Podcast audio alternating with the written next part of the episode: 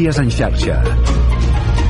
Bona tarda, són les 4. Us parla Mercè Roura. La Confederació d'Associacions Veïnals de Catalunya, la Confap, s'ha mostrat crítica amb la gestió de la sequera que està fent el govern de la Generalitat. Un dels punts que ha destacat el seu president, Jordi Giró, és la inacció amb les fuites d'aigua que fa temps que perden milers de litres diaris. Tenim actualment el que és l'àrea metropolitana, per citar-ne una, tenim a Santa Coloma i el que és a Badalona, al barri de Canyet, unes fuites d'aigües molt importants, però no són molt importants, no, que porten molt de temps per resoldre's.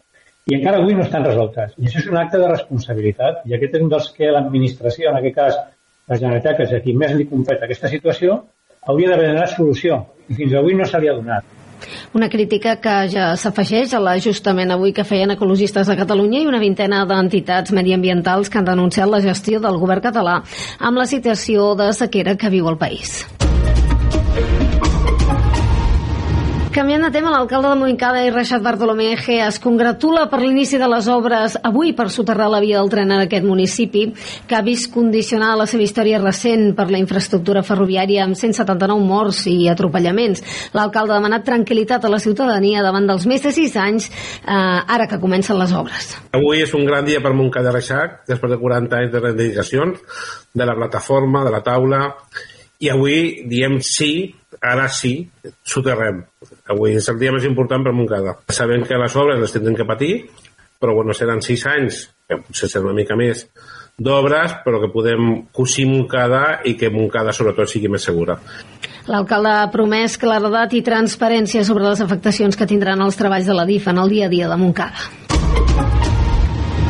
Crònica política i també judicial. Un dia abans de l'aprovació de la llei d'amnistia al Congrés, la justícia ha reactivat la suposada trama russa del procés. El titular del jutjat número 1 de Barcelona, Joaquín Aguirre, que instrueix el denominat cas Volhov, ha decidit allargar mig any més la investigació. A més, el jutge ha tornat a defensar que hi ha indicis clars que refermarien que Rússia estava disposada a donar suport econòmic i militar a l'independentisme català per aconseguir la secessió d'Espanya, un fet que podria complicar que Carles Puigdemont pugui acollir-se a la llei d'amnistia.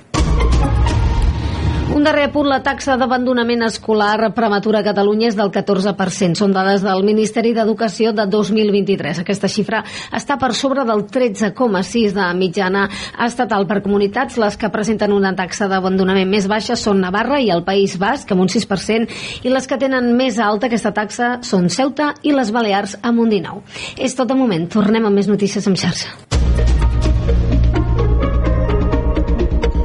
Notícies en xarxa.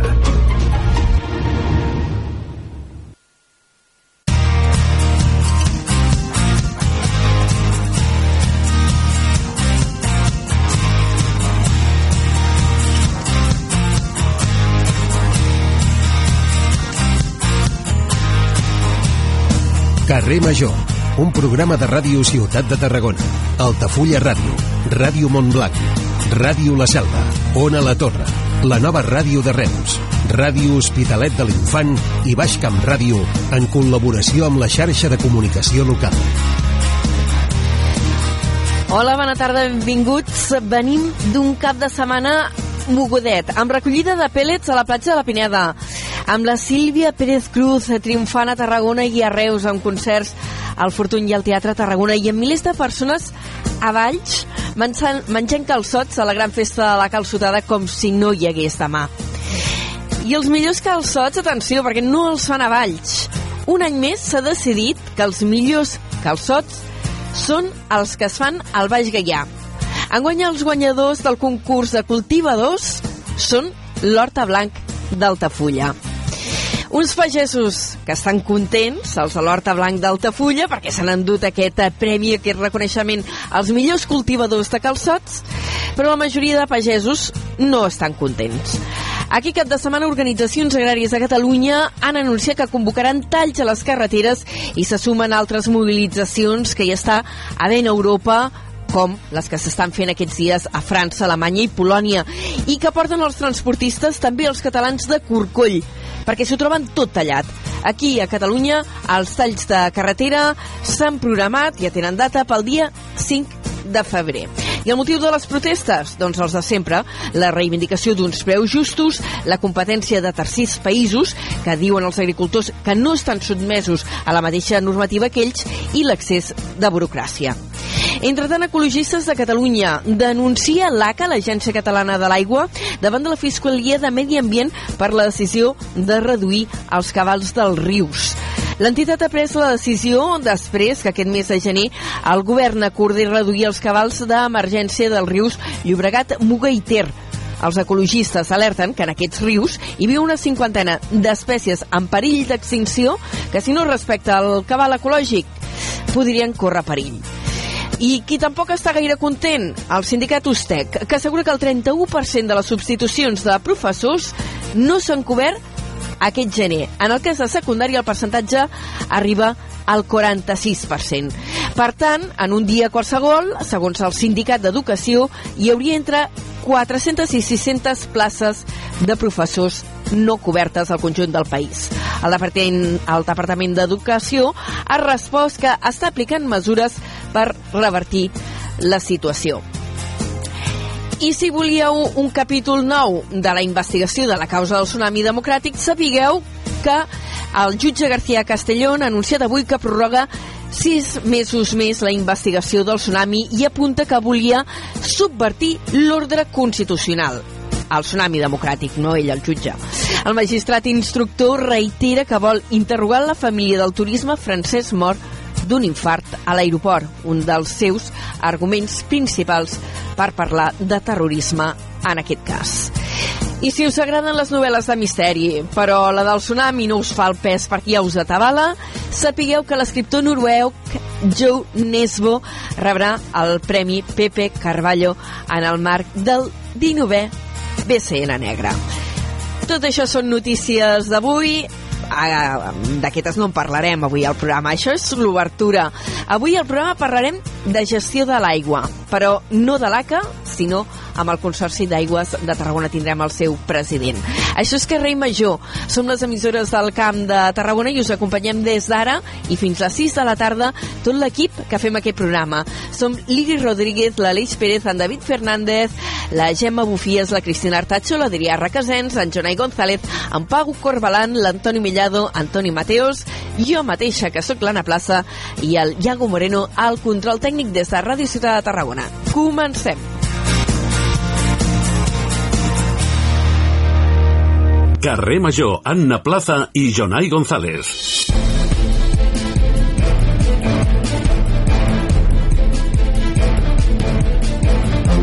Són les 4 i 7 minuts. Eh, connectem eh, amb Ràdio Ciutat de Tarragona per fer el repàs de les notícies del dia en forma de titulars. Saludem el Jonai González. Jonai, bona tarda. Molt bona tarda. Entra en funcionament la ganxeta, el primer servei públic de bicicleta compartida de la demarcació de Tarragona. A partir d'aquest dimarts 30 de gener s'iniciarà la primera fase del projecte. Tarragona pot assumir una major encara activitat creuerista segons el president de l'autoritat portuària, en Saúl Garreta. El propi president ha dit que la ciutat té capacitat d'absorció sense que es produeixin efectes negatius en l'entorn. Unes 200 persones han participat en el mostreig de pellets que s'ha fet aquest dissabte a la platja del racó de Vilaseca. L'acció ha estat organitzada per l'ONG Good Karma Projects que pretenia determinar la densitat d'aquests microplàstics a l'entorn.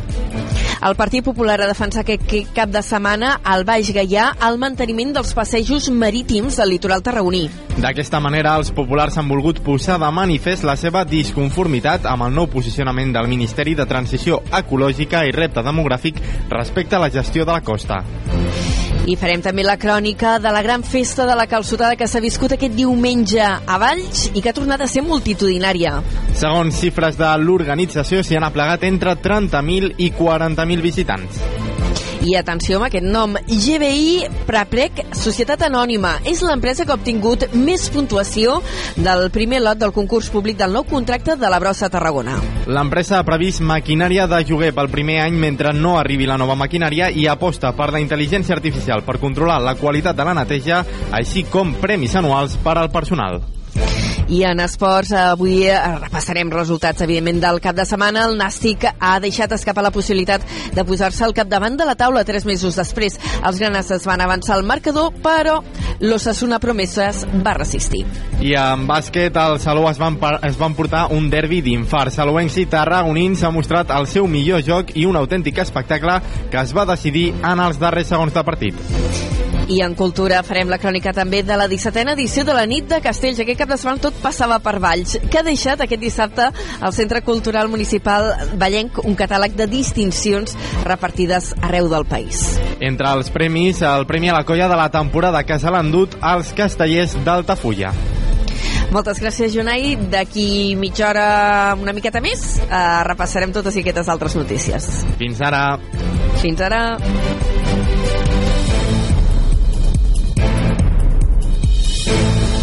Carrer Major. Toni Mateos.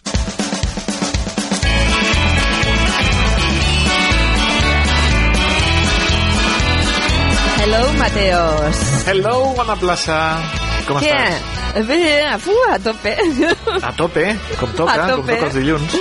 Sí, sí, sí. Què? El cap de setmana bé? Bé, molt bé, molt bé, molt bé, molt, molt tranquil. Di, dissabte me vaig trobar una cosa que m'encanta, que és la tuna. Oh, no hi ha Què cosa que no suporti més que la tuna. Oh, quin horror. Per favor, i tinc un, un, un amic del grup de teatre que odia les tunes Jo les... i que vam amenaçar-lo pel seu casament que n'hi portaríem una. Estava, estava collonit. és un regal de noces que no oblidaràs Portarem mai, la eh? tuna al casament. No oblidaràs mai. Jo he hagut de sortir d'un casament on va sortir la tuna perquè me van acompanyar fora. Me van dir, Toni, si us plau, que als nuvis els hi agrada, eh, és, un, és un desig dels nuvis, no cal que els hi diguis tu mm, quan no té... El que penses de les tunes, Sí. no? No cal que siguis desagrat. Allò de- Saps què vaig fer jo ahir? Què vas fer ahir? Eh, tu, les tunes no t'agraden, a mi m'agraden els musicals. Ahir, a Vilaseca, va Sí. venir el grup de teatre de Vilaplana, que es diuen Teia Teatre, a fer Maricel. Oh! Eh, en riu-te'n de degoll de gom, eh? I Poca el broma. vaixell també o què? No, ho van No. fer, oh, però em van explicar que les cordes, perquè van fer un muntatge amb caixes i cordes, que ja et donava molt l'estètica de vaixell, una cosa molt senzilla i tal, que les cordes eren les que es van fer servir en el primer muntatge de Maricel de Degoll de Gom. Tu. Coses, històries rocambolesques, però boníssims, eh? Molt bé, molt bé. Ara ja saben, eh, Gent la del gent Camp de Goll Tarragona. Gom, Sí, sí, Sí. La gent de Goll de Gom que ara estan eh, de retirades, volen eh, acomiadar-se als escenaris, estan buscant eh, bueno, jo crec que ja estan els càstings força avançats per trobar eh, els personatges de, de Goll de Sí. Gom, el Saïd i, la, i la Doncs Blanca, sí. no? Mira, el Saïd, espectacular, t'ho he de dir, eh? Un senyor de Vilaplana que es diu Jordi Mateu. Boníssim. Doncs Jordi Mateu, enhorabona. Ah, Jordi Mateu, enhorabona. Oh, per què plora? Oi, és tan bonic. Escolta, que ens estaríem 40.000 hores i ja tinc Sí. el convidat aquí, a pobret, que està avorrint mirant el mòbil. uh, Toni, què fareu a partir de les 5 de la tarda? Mira, parlarem amb el senyor Josep Maria Macias, que és doctor en història antiga. Ens quina parlarà meravella. del nou itinerari arqueològic de la catedral de Tarragona. Fantàstic. Quina meravella. Sí. Quina meravella. Superinteressant. S'estrena el dia 3, crec que és dissabte dia 3, Eh, però ja va haver-hi un tastet aquest dissabte Sí. passat per Sí. algunes persones. Els amics de la catedral ja van fer una visita, eh? Sí, sí. Correcte, correcte. nervis. Parlarem amb la Vicky Viana. Ella és una tarragonina que va estar vivint a Finlàndia. Ens explicarà com va ser vi viure a Finlàndia, si va passar fred i si portava, doncs, eh, allò, roba d'hivern eh, sota els pantalons. Segur. Seguríssim. Als Tonis us parlarem de la Super Bowl, que ja sabem qui són els dos finalistes, però també Home. de marujeos de la Super Bowl, perquè hi Així ha, m'agrada. hi ha amor, hi ha una parelleta de la Super Bowl. Què me Ai, ai, dius? Sí, sí, la Taylor Swift, la Taylor Swift, Ai, la Taylor Swift, nòvio. que jo... jugador de futbol americana. Ai, quina gràcia. Mira, jo, mm, ara hi ha gent que em matarà, però és que no, aquesta noia ho peta molt, però molt, molt, molt. Jo Moltíssim. tampoc trobo que n'hi hagi per tant. Hom, bueno, a veure, discutible. I ara eh? M'acabo de posar en un jardí, eh? Dit això, Toni Mateos. I tindrem també la furgoneta amb la ganxeta Reus, la primera bicicleta La bici. pública, compartida i banda sonora del Camp de Tarragona, amb gent que ho està patant molt, que es diuen Figa Flowers, no sé si Home, no, no, no em sonen. Mira, divendres me vaig estar mm, escoltant el disc sencer per baixar cançons per poder-les programar també a la, en aquest cas a la sintonia d'Ona la Torre, eh? Vull dir, Fantàstic. tenim cançonetes de Figa Flowers per anar sonant. M'encanten. Quin bon rotllo. Quina alegria de viure. I- Toni Mateos. mm, A la plaça.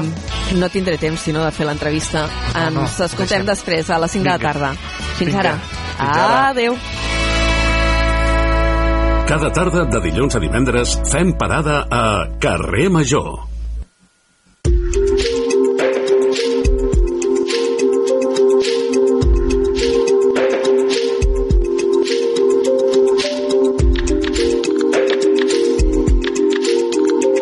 Quart de cinc de la tarda i avui, ja ho hem dit al començar, volem parlar d'aigua. En aquest moment de sequera, en què el debat sobre la gestió de l'aigua està damunt de la taula i cada dia, cada, o cada dos dies, ens van sortint apareixent eh, notícies eh, de tipus divers eh, sobre la gestió de l'aigua. Teníem ganes de parlar-ne amb una mica de tranquil·litat i tenint en compte que l'aigua que consumim al Camp de Tarragona és l'aigua que ens ve majoritàriament de l'Ebre a través del minitransbassament en qui havíem de parlar és amb el president del Consorci d'Aigües de Tarragona l'ENS que gestiona aquest minitransbassament és el senyor Joan Alginet i ens acompanya, s'ha desplaçat avui fins a on a la Torre, fins a Torre d'Embarra senyor Alginet, bona tarda i benvingut a Carrer Major Moltes gràcies, un plaer.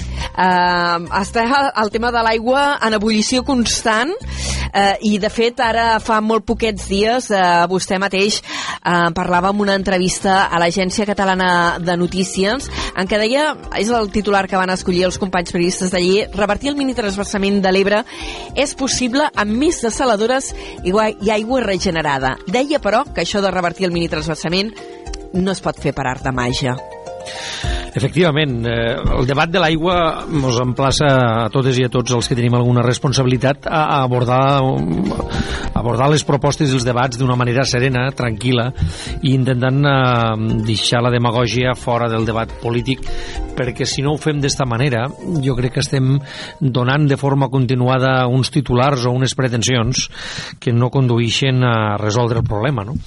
tot i que Tarragona, el Camp de Tarragona, entre els quals, evidentment, també està el municipi de Torredembarra, som, a dia d'avui, la zona, la zona més resilient a la sequera de Catalunya. Eh, això és fruit d'unes inversions, d'una visió d'un moment concret de la nostra història, en què es va dissenyar, pues, a partir del riu Ebre, eh, en un model no, d'equilibri de, de, territorial, en, en aquell context de l'any 80, de l'any 80, de l'any 81, la creació del Consorci d'Aigües de Tarragona, a partir de la qual s'enviava cap als municipis de Tarragona aquella aigua que, fruit del revestiment dels canals del Delta, eh, podrien evitar que es preguessin per les filtracions. En aquest context, evidentment, com, com tota infraestructura pública, pues, ha estat subjecta a diverses interpretacions. També a diferents moviments, diferents eh, actors que obertament han parlat de eh, bé, pues, dissoldre el consorci, de, fer, de, bé, de sumar-se a, a solucions, des del meu punt de vista, molt fàcils a problemes molt complexos. I per tant plantejar revertir el minitransbassament de l'Ebre sense accions complementàries en un marc de planificació hidrològica que, que, que crec que Catalunya necessita i que el Camp de Tarragona especialment pues tot això si no va acompanyat d'accions complementàries és fer brindis al sol. I per tant jo no m'hi vull sumar en aquesta festa. Eh, estic, per, eh, estic al capdavant d'un ens molt important que pensa en, com a perspectiva de ciutadà del Delta i del Tebre que és possible revertir estos volums que s'agafen del riu Ebre, perquè el riu Ebre no és un riu infinit, però s'ha de fer en visió, en estratègia i, evidentment, en inversions. Parlem també d'interconnexió de xarxes, que és un debat que s'ha tornat a, a posar sobre la taula. Aquí a Catalunya tenim la Conca de l'Ebre, de la qual depenem eh, a les nostres comarques, les del Camp de Tarragona, Eh, I el sistema Ter Llobregat, que és eh, de les conques internes, que és el que està passant, mm, passant-ho més malament ara en aquests moments de la sequera i en què s'està parlant doncs, també d'aquesta situació de la implementació del servei d'emergència, ha tornat a ressorgir aquest debat, que és una mica periòdic, cíclic, eh, de la, una possible interconnexió de xarxes. Vostè ja es va pronunciar mm, en contra d'aquesta possibilitat. Sí, en els mateixos criteris i en l'argumentació que el propi conseller d'Acció Climàtica, que, la pròpia, que el propi govern de la Generalitat de Catalunya ha expressat. Per moltes raons. Intentaré que la meva condició de ciutadà de l'Ebre no condicione el meu punt de vista, però sí que crec que, en primer lloc, un, no resol la, la problemàtica de sequera que viu l'àrea metropolitana, és a dir, és una infraestructura que avui no resol eh, cap dels problemes que, que està tenint Catalunya de perspectiva de sequera.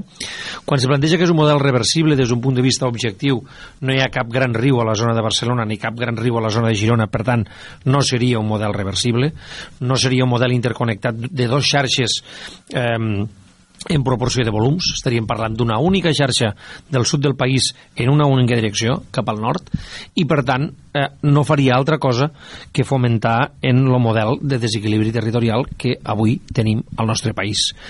Si Barcelona tingués un riu com l'Ebre, si Girona tingués un riu com l'Ebre en el mateix volum, segurament tota la xarxa hidràulica de Catalunya ja estaria connectada però això no és així.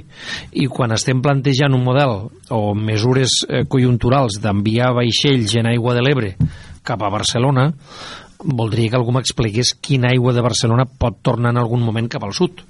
Per tant, no respon a un model d'equilibri territorial, forma part de les velles tradicions del passat, de models especulatius en l'aigua que no fan altra cosa que no aborda els problemes reals eh, que té Catalunya i per tant eh, no està a l'agenda del govern i efectivament pues, eh, com a president del Consorci d'Aigües de Tarragona no puc fer altra cosa que manifestar públicament la meva opinió que crec que és eh, clara que és eh, manifesta i que en aquest sentit, eh, repeteixo el govern de Catalunya està fent accions que són importants eh, de fet a tocar d'aquí ni alguna d'important com la futura desaladora del Foix que són les accions que s'han de preveure que són les que s'han de planificar que són les que resolen els problemes que tenim. Miri, ara ha tret un tema, el de la de la saladora del Foix, que també li volia preguntar. Dies enrere vam tenir també aquí al programa el Manolo Tomàs, el portaveu de la Plataforma de Defensa de l'Ebre, que estic segura que el coneix. I tant. Eh, I ell ens transmetia una preocupació que, de fet, la Plataforma de Defensa de l'Ebre no és la primera vegada que manifesta,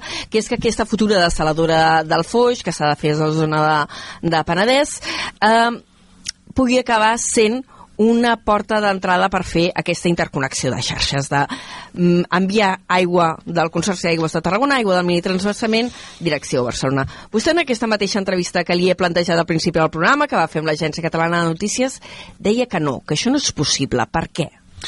Pues no és possible perquè el projecte eh, és el que és i per tant si fos una altra realitat pues li diria sí, té raó el senyor Tomàs però no és, eh, no és l'objecte eh, del, del posicionament que té la plataforma que evidentment respecto i és un moviment que mereix tot el meu, eh, tota la meva consideració però a, a, al mateix temps penso que el seu posicionament respecte al tema de la, de la, de la desaladora del Foix va en contra de la seva fixació o del seu propòsit de revertir el minitrasbassament o de revertir les captacions que es capten de l'Ebre. Perquè resulta que aquesta desaladora que es planifica a un lloc estratègic i és estratègic no pel fet de que sigui la porta de la interconnexió. Vull recordar que la xarxa del CAT és una xarxa que comença en una canonada molt gran a la captació i a mesura que es va aproximant al seu límit geogràfic, que és la zona de Cunit, arriba un, una, una canonada d'un tamany eh, insuficient per als hipotètics consums que, que hi haurien a l'àrea metropolitana. Se construeix a la zona entre el límit de la demarcació de Tarragona i Barcelona perquè també pretén donar cobertura o resposta a uns problemes que té la zona de l'Alt Penedès de manera estructural i que l'Agència Catalana de l'Aigua hi vol posar-hi remei.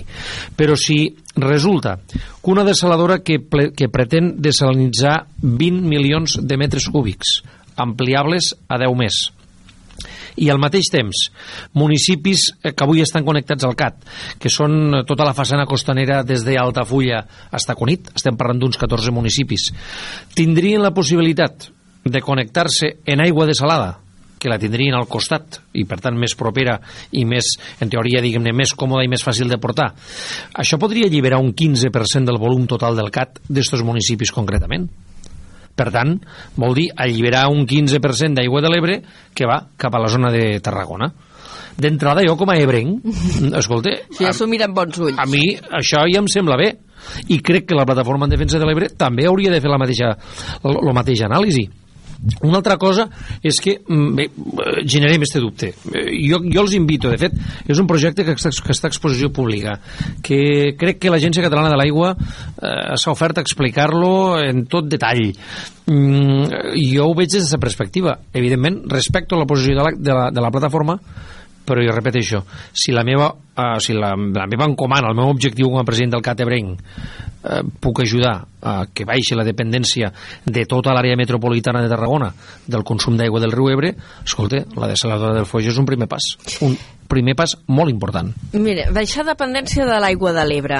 Ara vostè parlava d'aquest cas a la depuradora del Fuix, si s'arriba a fer, doncs mm, els municipis del nord del Tarragonès, entre els quals uh -huh. aquest on estem, que és Torredembarra, doncs eh, podrem deixar de dependre una miqueta més de, de l'aigua de l'Ebre.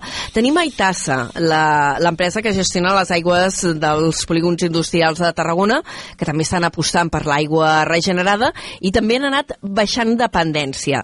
Però al costat d'això tenim projectes que estan una mica l'aire encara, com el del Hard Rock, que se suposa que tindrà una important dependència d'aigua. Des del Consorci d'Aigua s'han pronunciat o tenen posicionament clar respecte a un projecte com aquest? Comentava dos temes importantíssims, eh? li responc en seguida el que m'acaba de preguntar, però posar en valor la feina i el treball que està fent a Itassa com a gran aliada de l'Ebre perquè que la indústria, que moltes vegades la indústria química ha estat la gran, diguem-ne, atacada i qüestionada per, per la seva pròpia percepció de model eh, extractiu. de model econòmic, extractiu i, i possiblement depredador del territori, resulta que des de fa alguns anys, per iniciativa pròpia, està plantejant donar-li un segon i un tercer cicle i l'ús a l'aigua.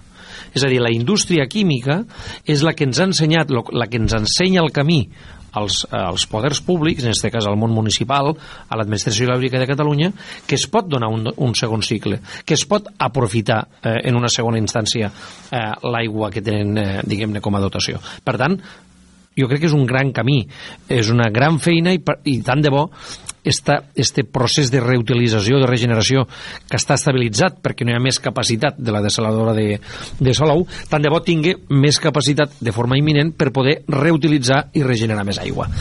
Al mateix temps, comentava lo dels grans projectes que s'estan eh, projectant a nivell, de, a nivell de demarcació.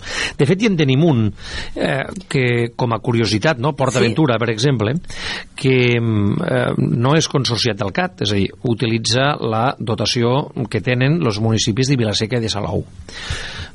PortAventura també podria ser un bon referent de com reutilitza l'aigua, com la regenera i com eh, l'aprofita. Home, n'ha de gastar moltíssim, per perquè això. altra cosa no, però PortAventura és molt verd. Per I... això, no? Jo crec que és important també tot el procés de reutilització que té, que té com a parc temàtic. Al mateix temps, previsió de que la instal·lació de Hard Rock eh, augmente les dotacions de Vilaseca i de Salou, el Consorci avui no té cap novetat. Per tant, s'entén que la dotació que té Vilaseca com a municipi, que evidentment és important, té una dotació efectiva i una de reserva, en funció de les seves dotacions tindrà capacitat per absorbir el projecte de Hard Rock. I per tant, respon a la competència estrictament municipal de l'autorització, de la posada en marxa, del tema de permisos i el tema de l'aigua no és, és a dir, no hi ha una previsió d'un consum diferenciat del que a dia d'avui tenim perquè eh, funcionarà en base a la dotació que té el municipi de Vilaseca. Si a mi em pregunta, com a ciutadà, mmm, quina opinió mereixen aquesto, aquests parcs temàtics i aquestes eh, inversions, evidentment jo la puc tindre a nivell personal, però, repeteixo, des de la perspectiva de president del CAT, no em preocupa perquè mm, és la mateixa dotació que avui, eh, a dia d'avui té l'Ajuntament de Vilaseca. No em preocupa perquè eh, si si plantegessin un model de consum diferenciat del que tenim avui, òbviament hagués posat aquest tema damunt de la taula. I amb l'OTE què passa? Amb l'OTE Energy Materials, la gran empresa que s'ha de fer a Montroig de, del Camp, eh, també es preveu que tingui un consum important d'aigua. Eh, Montroig us ha fet arribar una petició d'aigua extra o, com diuen, també tiraran molt d'aigua regenerada? El cas de l'OT és diferent perquè l'OT el que ha fet és consorciar-se al CAT. Eh? L'empresa aquesta, des de fa unes setmanes, és consorciada al CAT eh, avui, eh, pagant lo mínim, perquè evidentment encara no ha connectat mm -hmm. ni ha mhm. començat a fer encara cap no tipus de les accions.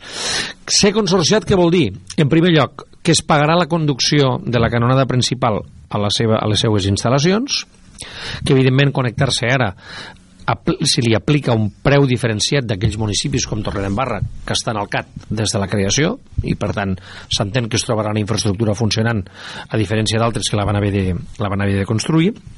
I per tant eh, el projecte de l'OTEC que efectivament va associat a uns grans volums d'aigua també eh, anirà d'autoritzacions i de construcció de la pròpia instal·lació a la regeneració i la reutilització, perquè si no, no tindria sentit. És a dir, el que no podem fer és posar en valor la feina d'Itasa i que s'instal·li una nova fàbrica o una nova implantació a 60 quilòmetres d'Itasa o, a 50 quilòmetres que no reutilitza l'aigua, que, no la re, que no li doni un segon cicle. Per tant, en aquest cas és diferent. És consorciat i la seva instal·lació anirà associada a la reutilització, diguem-ne, per, per, per ordre, és a dir, per, per, per voluntat de la pròpia administració i de projectes constructius que han de ser molt més resilients dels, que, que dels de fa 25, 30, 40 anys. L'altre tema és el de la gestió de, de les xarxes dels municipis. L'altre dia sortia una notícia també que la Diputació de Tarragona eh, destinarà més diners per ajudar els municipis a que facin revisió de les seves xarxes eh, per evitar les pèrdues de l'aigua, eh, que era una cosa que vostè també reivindicava. I, de fet, el CAT també ha hagut de fer feines en aquest sentit perquè eh, fa un parell, tres anys, ara ja començo a perdre una mica la noció del temps, no? hi va haver un parell de rebentaments importants de la canonada principal del CAT. Sí, eh, de fet, és un tema que n'hem parlat, que em preocupa perquè, és a dir, al final el CAT és un actor al territori que pot incidir el model de gestió hidràulica de, del Camp de Tarragona i de les Terres de l'Ebre dels propers anys, de fet ho ha fet, i per tant, quan parlem d'eficiència i de resiliència, mm, no només és una qüestió de que la nostra xarxa estigui en condicions òptimes, sinó que s'han de fer moltes accions. No? Hem parlat de reutilització a través d'Aitassa, hem parlat eh, bé, de possibles de la instal·lació, de possibles desaladores a la zona del Foix i fins i tot plantejar-ne alguna d'alternativa a la zona de Tarragona, però hi ha un tema que em preocupa especialment, que és la gestió en baixa que fan els municipis municipis i les empreses que estan fent gestions mixtes en estos, en estos municipis. No? Quan se diu que a Catalunya la, la eficiència hidràulica de la nostra xarxa és del 50%, són dades que ens han de reflexionar. També és cert que són dades que han fet que per primer cop l'Administració Hidràulica de Catalunya, l'Agència Catalana de l'Aigua, hagi dotat de pressupostos i de línies específiques de convocatòries perquè els ens locals puguen fer front en aquests projectes. I que la Diputació de Tarragona s'hi sume és una excel·lent notícia, cosa que vull agrair-li sincerament, perquè penso que dona més instruments als municipis que en definitiva són els que acaben rebent les competències derivades i assumint responsabilitats que moltes li són pròpies però algunes no. Per tant jo crec que els ajuntaments de Catalunya necessiten, i concretament els de Tarragona, recursos per poder fer plans estratègics de renovació de les xarxes en baixa i jo crec que estem en un camí eh, que afortunadament la lliçó que no vam aprendre el 2008 jo crec que ara l'estem aplicant i, i, i que una convocatòria de 120 milions d'euros pràcticament s'ha exaurit en poques hores eh, per, a, per a substitució de gestió en baixa és un molt bon indicador i aquest és un gran camí perquè, perquè si no jo crec que perdem arguments quan eh, volem fer planificacions i volem opinar sobre debats eh, de gestió d'aigua a Catalunya quan estem perdent part de la nostra efectivitat baix terra en les nostres canonades quan no ho veiem, no? Uh. -huh. jo crec que hem de ser coherents. Uh, senyor Alginet, aquest programa Carrer Major també arriba a la Conca de Barberà perquè també hi participa Ràdio Montblanc. Uh, a la Conca és una comarca que està patint eh, severament el problema de la sequera i, i de la falta d'aquífers en alguns municipis, del cas de, de l'Espluga de Francolí. Eh, L'aigua de l'Ebre, a través de la xarxa del CAT, arribarà allà, finalment. Efectivament, eh, jo crec que la gent del, de la Conca eh, han, han rememorat aquella història de creació del Consorci dels anys 70 de la imatge de les cubes eh, i dels camions cisterna portant aigua, no? Aquella imatge que mai més eh, haguéssim imaginat que es tornaria a produir, doncs hi ha alguns municipis, concretament l'Espluga, eh, que ho està vivint i que ho està patint en, en pròpia carn. Eh, Este projecte està més prop que mai, eh, és una oportunitat bàsicament per dos motius per una qüestió d'equilibri eh, territorial. Eh, és un municipi del Camp de Tarragona que ha de tenir oportunitats per fixar la seva gent al territori, per generar oportunitats també que, la, que els seus veïns i veïnes no hagin de marxar perquè l'aigua sigui, sigui un condicionant. I, I en segon lloc també per una perspectiva de fixar i de posar en valor el món rural. No? Eh, L'Espluga, la zona de la Conca, eh, són comarques rurals que tenen papers específics la pagesia, per tant, fixar la gent al territori és molt, és molt important. Pels volums i pels consums estem parlant de, eh, de consums molt modestos que no posen en entredit el model de gestió hidràulica del CAT, que no suposa un, no responen a criteris de, de creixement urbanístic o de models especulatius, al contrari, vol dir fixar gent al territori i per tant el compromís nostre és que ben aviat, com més aviat millor jo crec que ja, ha passat prou temps l'Ajuntament de l'Espluga i els municipis de la Conca ja han esperat prou eh, pugui arribar ben aviat l'aigua de l'Ebre Uh, no, no variarà la concessió d'aigua del minitransvasament, no? Es manté estable la, la quantitat d'aigua? Com, Sí. com, com està la concessió? Perquè no sé si al llarg dels anys hi ha, tenint en compte que hi ha aquests majors estalvis i uns canvis de dinàmiques, eh, ha anat canviant. De fet, eh, hem de parlar de dos, de dos conceptes. Eh, lo màxim eh, que permet la llei de captar, que són 4 metres cúbics per segon, i en segon cas la concessió. Eh? La concessió és adaptada als consums que tenim. Evidentment, els 4 metres cúbics no s'han superat mai, de fet estem en una mitjana de 2,4 metres cúbics per segon, més o menys, i eh, respon pues, a uns criteris de cada municipi, cada indústria, estos 25 indústries estos 69 municipis consorciats tenen una dotació. Com li deia, els volums de tota la zona de, de la Conca de Barberà, fins i tot els municipis de la zona del Baix Camp que es pretenen connectar, no alteren en absolut perquè no arribarien pràcticament ni a un 1% del consum total del CAT. I aquesta notícia que ha anat sortint també de la possibilitat, possibilitat de moment, de transportar aigua en vaixells fins a Barcelona, eh, des de la Conselleria us han fet arribar algun tipus de petició al CAT, al Consorci d'Aigües de Tarragona? Bé, de fet, ara el que s'està fent eh, a tres, quatre bandes, eh, el CAT aquí no pot participar de forma individual, no? De, o, és a dir, estem parlant d'una operació que hauria de, de, de rebre el beneplàcit o la, o la coordinació tècnica del Port de Tarragona, de l'Agència Catalana de l'Aigua i també de, de MATSA, com a empresa municipal d'aigües de Tarragona. En aquests moments el que s'està demanant o el que s'està fent és una anàlisi de la infraestructura, eh, condicionants jurídics, con, condicionants administratius i tècnics per poder tindre la infraestructura preparada i, per tant, per si cal activar aquesta opció, s'està treballant de forma coordinada per, eh, per la possibilitat, no, de, si no plou i si les mesures que s'estan apl aplicant no funcionen, poder enviar la capacitat que tindria el port de Tarragona, que estem parlant d'uns volums que, evidentment, a part de ser un, una metodologia de transport cara, no respondrà tampoc als volums necessaris per eh, resoldre el problema de l'àrea metropolitana. No obstant això, és un pla alternatiu, una mesura conjuntural, que en tot cas pues, caldrà veure si les properes setmanes cal activar o no. I una altra, finalment, ja, perquè anem, anem tardíssim, eh, president, eh, quan vau presentar les tarifes eh, d'enguany del Consorci d'Aigües de Tarragona, també explicau que la sequeria i els baixos cabals de l'Ebre obliguen l'ENS a utilitzar més reactius per, re, eh, per neutralitzar la, la contaminació. Eh, L'Ebre no està tan afectat per la sequera, perquè a més eh, les capçaleres han anat eh, plovent, s'ha anat acumulant aigua, tal, però sí que, evidentment, el cabal del riu no és el que eh, era eh, en altres ocasions, hi ha una major concentració de, de contaminants. Això afecta eh, el treball que es fa a la, a la planta de tractament de l'ampolla, de captació? Això té una, un efecte directe sobre el cabal i el volum del riu. És a dir, com menys aigua baixa per l'Ebre, com menys aigua hi havia al pantà de referència, que era Mequinensa, la qualitat de l'aigua era més, Més dolenta. baixa. Era més dolenta. Per tant, això exigia una composició i un treball per a potabilitzar-la major que avui, per exemple, que la mitjana està entre 300 i 400 metres cúbics per segon. Ara, per exemple, quan baixa el riu ple, quan el riu, eh, diguem-ne, té un volum important, la qualitat de l'aigua puja i per tant això són paràmetres que el nostre equip del laboratori està constantment i de forma diària analitzant perquè els paràmetres que s'apliquen per tenir per exemple el tema del pH o altres, eh, o altres elements de la, de la qualitat de la nostra aigua siguin òptims.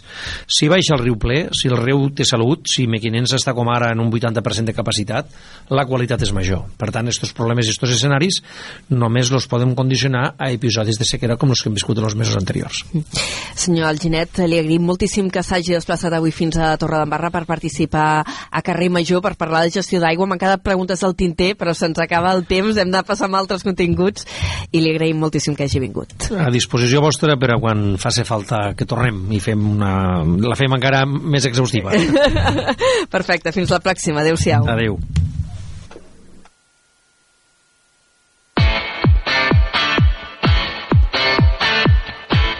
I arribats en aquest punt del programa, farem el que fem els dilluns, que és repassar amb una pinzellada com està el panorama esportiu a casa nostra després dels partits que hi ha hagut.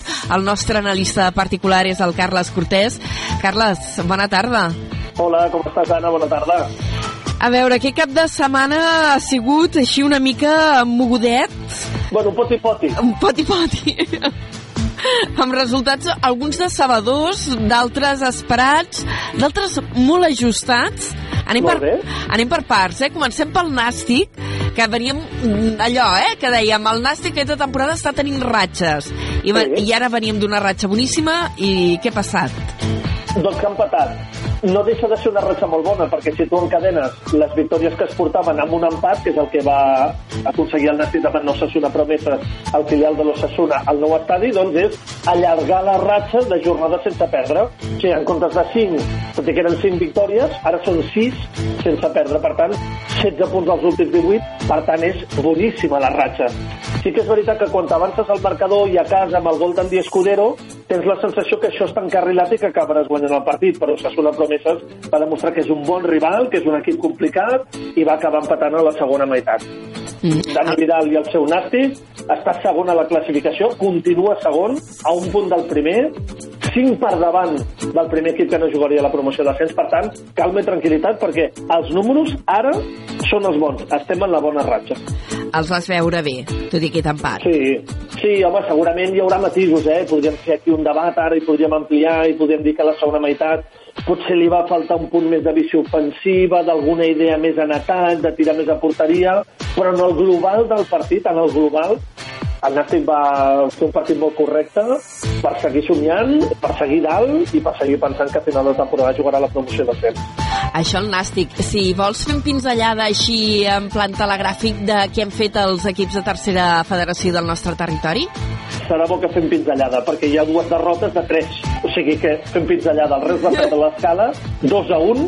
La Rapitenca va perdre Vilafranca, 1 a 0. I l'única victòria a tercera federació dels nostres representants va ser la Pobla de Mafumet, que va guanyar 3 a 1 al Mollerussa. Perquè ens situem, sisè Reus 27 punts, no està en promoció, però té els mateixos punts que l'últim equip que jugaria a la promoció d'ascens, Pobla desena a dos punts de la promoció d'ascens, Rapitenca crític, la, perquè la situació torna a ser crítica, QE a 6 punts de la permanència. Ai, pobrets. Sí. Pobrets. Escolta, i què ha passat amb el, amb el derbi de bàsquet que hi havia aquest cap de setmana? Perquè, clar, la cosa es presentava molt emocionant i va ser molt, molt, molt emocionant. Efectivament, perquè va ser gairebé l'últim segon de partit que va guanyar el Salou 71 a 70 davant del Club Bàsquet Tarragona. Si miraves la classificació, tenies la sensació, el Salou és el gran favorit, perquè està amb 11 victòries ara, 10 per tant abans de començar el partit, i el Club Bàsquet Tarragona estava amb la meitat, amb 5 victòries. Per tant, gran favorit el Salou, guanyarà teòricament bé, no. Això es fa difícil, eh, tots els rivals ho compliquen, i jo crec que el fet que fos un derbi va fer que encara estigués més igualat. 71 a 70 va guanyar el Salou, que és l'equip que està a la part alta, es col·loca ara amb 11 victòries, com Bàsquet Tarragona queda amb 5, i la veritat que va ser un partit molt emocionant, vibrant, I una cosa també molt important pel basquetbol de la demarcació, i és que el pavelló estava ple a rebentar. I crec que això és una bona notícia, perquè de vegades tenim la sensació que en segons quines categories falta que la gent acompanyi, falta que la gent hi vagi, no s'omplen els pavellons. El pavelló de Salou estava ple en aquest derbi de l'Ale Plata, on al final sí que va guanyar el favorit, però amb un resultat molt més ajustat del que es podia pensar gràcies a aquella última cistella d'Isaac Mayo, jugador del Salou. Sí, sí, però molt, eh? Perquè això Sí, és un sí, sí. sospir. Sí, és un punt, és un punt, la diferència és un punt, de fet, perquè va fer aquesta cistella de 3 punts, si no, guanyava el Club Bàsquet Tarragona. Li va anar de 3 segons guanyar el Club Bàsquet Tarragona aquest partit, fixa't, Buah, si quina- just i sospir, sí, sí. Qui- Quina emoció, quina emoció. Um, uh, I en hoquei... Um... Un apunt de l'Aire, que el Valls va guanyar. Ah, sí, el Valls que va fer. Sí, que és el Valls no important ho havia perquè... mirat.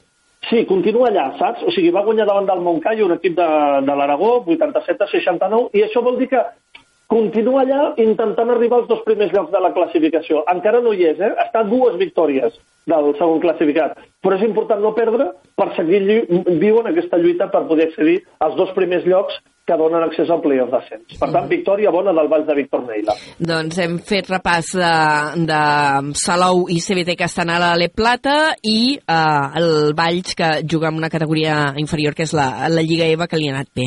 Ara anem a l'hoquei, que és el que t'estava dient jo. Um, Sí. El Reus Deportiu tenia una cita molt important la setmana passada que no li va sortir bé Sí. i el partit de Lliga tampoc li ha sortit bé. no sé si dir-ho així, eh, però una mica de minicrisi de resultats, perquè eren dos partits molt importants, sobretot el de dijous, sobretot el de dijous, era, ja ho sabem, eh, Champions League, i, i el Reus va perdre la pista pròpia, el Palau d'Esports, 3 a 6 davant del Benfica, i queda gairebé eliminat.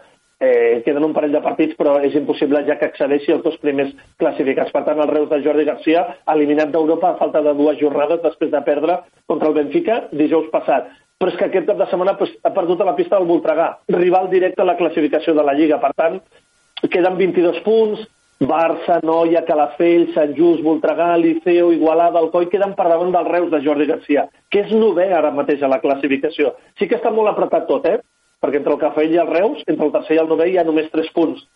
Però era un d'aquells partits on és important no perdre, i va Ja. perdre l'equip de Jordi Garcia. Queda Lliga, eh? Però derrota dura. A diferència del Calafell, que, Que va guanya. guanyar 5 a 3. Sí, el resultat va ser el mateix, el Reus perdent, el Calafell guanyant, en aquest cas davant d'Alcaldes, Calafell tercer. Tercer. Barça primer, no hi ha segon, Calafell tercer. Molt que, bé. Sí, això sí, però a la Champions League va empatar contra l'Sporting de Portugal 2 a 2 i uf, eh, se li complica la, una mica el tema. Però Perquè... continua viu. Okay, Sí, clar, sí, sí. Els, pobre, els Reus pobres ja s'han quedat sense opcions, però el Calafell difícil, però encara en té. Encara... Sí, sí, que, que li queden dos partits. De fet, ha de jugar contra els dos equips portuguesos, si no m'equivoco, ara t'ho he dit de memòria. No, mira, Sí. sí. perdona, és Reus Calafell a la cinquena jornada, el Reus no s'hi juga res i el Calafell s'ho juga tot. Tu què Ja. creus que hauria de passar? Home, pobrets, que guanyin Calafell, no? Val, ja està. El Reus, Pues ja està. el Reus ja no li ve d'aquí, ja ho té tot perdut. Pobres. Això entre tu i jo, eh? No ho diguis a la Federació No, Internacional. no. Entre tu i jo, eh? I llavors que, que el Calafell s'ho pugui jugar tot a l'última jornada a casa contra el Benfica, però això serà d'aquí unes quantes setmanes durant el mes de febrer. Ve a la Lliga el Calafell tercer, viu a la Champions League i ha dues jornades eh, per davant, encara té opcions. Doncs emoció en el sector de l'hoquei i voli Sant Pere i Sant Pau?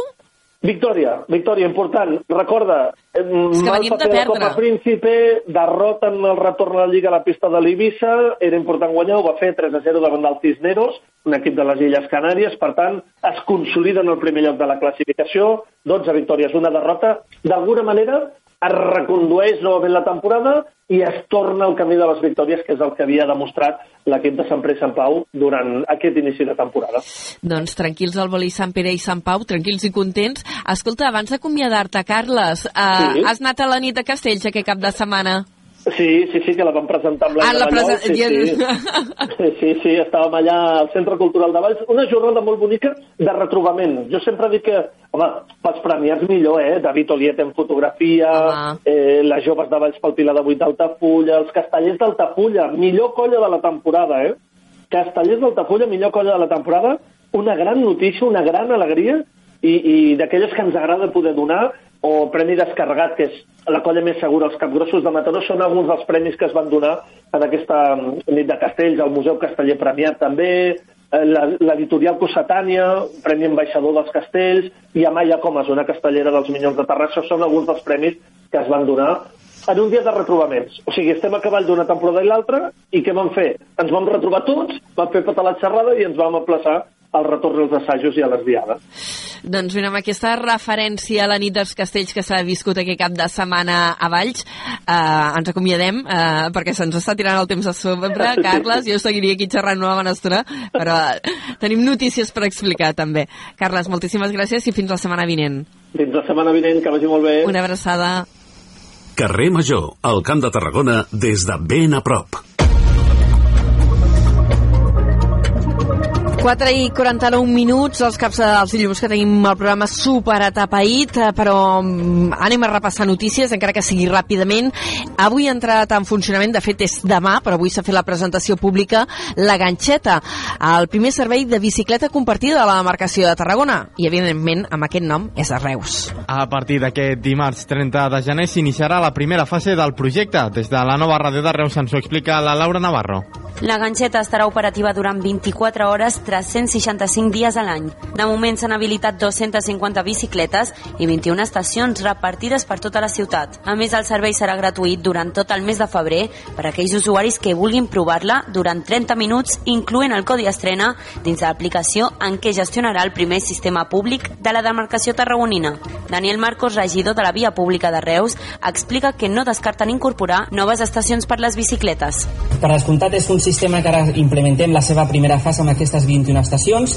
Eh, tenim projectada una segona fase. Eh, fins i tot eh, durant aquests, eh, aquests dies ja ens ha arribat peticions de, de veïns i veïnes que volien una, una estació de la ganxeta a prop de casa seva. També es preveu que a la ciutat hi hagi uns 600 moviments de bicicleta al dia i a llarg termini s'espera que uns 1.500 ciutadans utilitzin la ganxeta. Moltes gràcies, Laura. Tarragona pot assumir una activitat eh, creurista més gran de la que té ara, segons el president de l'autoritat portuària, Saúl Garreta. Diu que la ciutat té capacitat d'absorció sense que es produeixin efectes negatius. El 2023 es va tancar amb 122.000 passatgers, un volum 30 o 35 vegades menor que altres projectes amb els quals es compara a la ciutat. El responsable portuari alerta que Màlaga és l'exemple de topall màxim que no s'hauria de superar. El port andalús, el 2023, s'ha situat en 500.000 creueristes. Si nosaltres, com a àmbit territorial, com a capacitat d'absorció del nostre territori, eh, sense que això produeix, produeixi efectes negatius en l'entorn, eh, doncs hi ha una xifra que per mi eh, té un topall, eh? un topall, diguem-ne, que podria ser doncs, doncs, màxim com a Màlaga, eh? per dir alguna cosa. Respecte al contradic de Ponent, que es farà tocar de la Pineda, Garreta afirma que estarà enllestit en dos anys i ajudarà a fer el port més segur. El president de l'autoritat portuària ha destacat que es tracta d'una infraestructura imprescindible. I en aquella zona, també a la Pineda, unes 200 persones han participat en el mostreig de pèl·lets que s'ha fet a la platja del Racó. L'acció organitzada per la ONG Good Karma Projects eh, pretenia determinar la densitat d'aquests microplàstics a l'entorn. Amb les mostres de sorra que s'han recollit, s'ha constatat que hi havia més de 2.800 pèl·lets en superfície. La concentració s'ha vist afavorida per la, per la manda de pluges i donatge. Les dades recollides es presentaran aquesta setmana a Fiscalia. Jaume Folk, que és professor de Bioquímica i Biologia Molecular a la URB, alerta de la persistència d'aquests materials al medi i la seva capacitat per assimilar altres contaminants amb el pas del temps. i la preocupació és perquè el cas dels pèl·lets en particular, eh, clar, tenen una resiliència molt gran, poden estar un, un pèl·let i a més els que estàvem parlant de Galícia doncs tenen a més additius que els protegeixen de la radiació ultraviolada per tant poden estar segles al medi no sé quants cops o no sé quants, quantes sardines s'acabaran menjant un mateix pèl·let a mesura que això passa els contaminants passen als teixits d'aquests animals que després passen a la dieta de les persones Good Karma Projects fa 5 anys que fa seguiment de la presència d'aquests microplàstics a la costa tarragonina i denuncia que la platja del racó de la Pineda és la que presenta una major concentració d'aquest granulat de plàstic de tota la península ibèrica. El Partit Popular ha defensat aquest cap de setmana al Baix Gaià el manteniment dels passejos marítims del litoral tarragoní. D'aquesta manera, els populars han volgut posar de manifest la seva disconformitat amb el nou posicionament del Ministeri de Transició Ecològica i Repte Demogràfic respecte a la gestió de la costa. Des d'on a la Torre ens ho explica en Josep Sánchez. En una jornada de treball que va passar per Torredembarra, alguns dels principals càrrecs del partit a Tarragona han lamentat que el govern central no aposti per fer inversions que reparin els danys causats pels darrers temporals i també que es plantegi la possibilitat de desmantellar alguns passejos marítims. El Partit Popular va traslladar aquesta qüestió al Congrés dels Diputats el passat mes de novembre. Ho va fer a través del diputat tarragoní Pere Lluís Huguet, que ha qualificat de barbaritat aquesta voluntat de desmantellar els passejos. Els passejos marítims són la primera línia de defensa de la regressió de les platges. Perquè si traiem el passeig marítim després hi ha les cases. Què traurem? També les cases? Ah. És una barbaritat. Però nosaltres el que demanem és que hi hagi inversió i que, i que no passi com sempre que governa el Partit Socialista a, a, a l'Estat, de que a Tarragona ens quedem sense inversions importants per part de l'Estat. A més de visitar Torredembarra, també van passar per altres localitats del Baix Gallà, com Creixell o Roda, així com també pel Vendrell i Calafell. I ara us expliquem que Valls ha viscut aquest diumenge una nova edició de la Gran Festa de la Calçotada que ha tornat a ser multitudinària. Segons xifres de l'organització, s'hi han aplegat entre 30.000 i 40.000 visitants. Des de Ràdio Ciutat de Valls ens ho explica en David Prats. Enguany s'ha comptat amb la presència de la cònsul general dels Estats Units, Katy Estana, i el seu equip, que han passat la jornada sencera a la ciutat, visitant el Museu Casteller de Catalunya i vivint de prop totes les activitats. El guanyador de l'edició d'enguany del concurs de menjar calçots ha estat Toni Hernández, de Santa Perpètua de la Mogoda, que en 45 minuts ha menjat 240 calçots amb un pes net de 3 quilos i 60 grams. La gran festa de la calçotada ha presentat, entre d'altres actes, el 36è concurs de cultivadors de calçots, el concurs de la mota de calçots IGP, el 32è concurs de salsa de la calçotada o la cercavila. Per segon any consecutiu, l'aparcament de la cooperativa agrícola ha estat l'escenari de les degustacions. D'altra banda, l'oferta d'activitats s'ha completat amb el mercat de la calçotada i els tastets. En l'aspecte més mediàtic, els Figaflaues han signat el seu nou disc La calçotada en una carpa instal·lada a la plaça del Pati. Moltes gràcies, David. I en crònica local, eh, una empresa, GBI, eh, Paprenc, Societat Anònima, eh, va prenent posicions eh, per poder executar el nou contracte de la brossa de Tarragona. De fet, és la que ha tingut millor puntuació del primer lot del concurs públic del contracte de la brossa. L'empresa ha previst maquinària de lloguer pel primer any mentre no arribi la nova maquinària.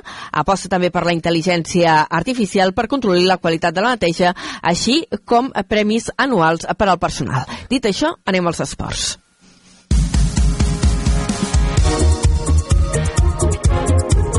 I repassem dos eh, resultats, bàsicament el del Nàstic de Tarragona que ha deixat escapar la possibilitat de posar-se al capdavant de la taula tres mesos després. Els granes van posar el joc a la primera meitat i culminaven una gran jugada col·lectiva per banda esquerra que culminava amb la rematada de Marc Fernández a un càstig que després es va simbolitzar l'acomodament local de l'1 a 0 va passar amb un empat a gradols pels granes que deixaven escapar una bona oportunitat no només per liderar la categoria sinó per continuar ficant espai en la lluita lluita pel playoff.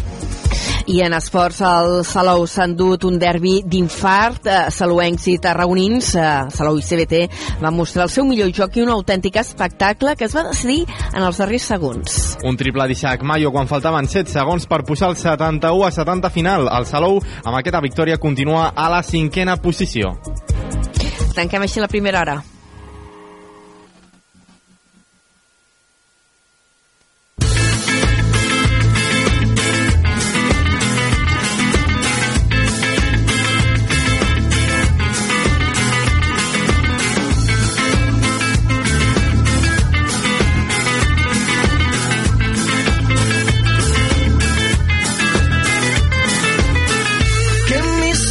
Se despierten con la luz de tu mirada. Yo a Dios le pido que mi madre no se muera y que mi padre me recuerde. A Dios le pido que te quedes a mi lado y que más nunca te me vayas mi vida. A Dios le pido que mi alma no descanse cuando de amarte se trate mi cielo. A Dios le pido por los días que me quedan y las noches que aún no llegan yo. A Dios le pido por los hijos de mis hijos y los hijos de tus hijos. A Dios le pido que mi pueblo no derrame tanta sangre y se levante mi gente. A Dios le pido que mi alma no descanse cuando de amarte se trate mi cielo. A Dios le pido un segundo más de vida para darte corazón entero entregarte. Un segundo más de vida para darte.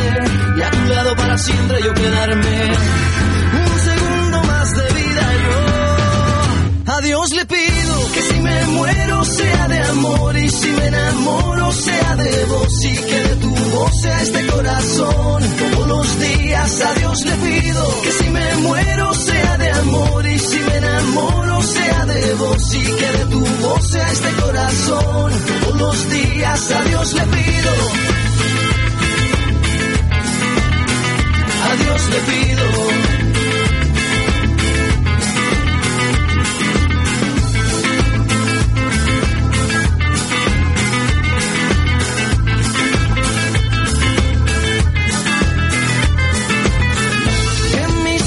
Se despierten con la luz de tu mirada. Yo a Dios le pido que mi madre no se muera y que mi padre me recuerde. A Dios le pido que te quedes a mi lado y que más nunca te me vaya mi vida. A Dios le pido que mi alma no descanse cuando de amarte se trate mi cielo. A Dios le pido un segundo más de vida para darte y mi corazón entero entregarte. Un segundo más de vida para darte siempre yo quedarme. Un segundo más de vida yo. A Dios le pido que si me muero sea de amor y si me enamoro sea de vos y que de tu voz sea este corazón. Todos los días a Dios le pido que si me muero sea de amor y si me enamoro sea de vos y que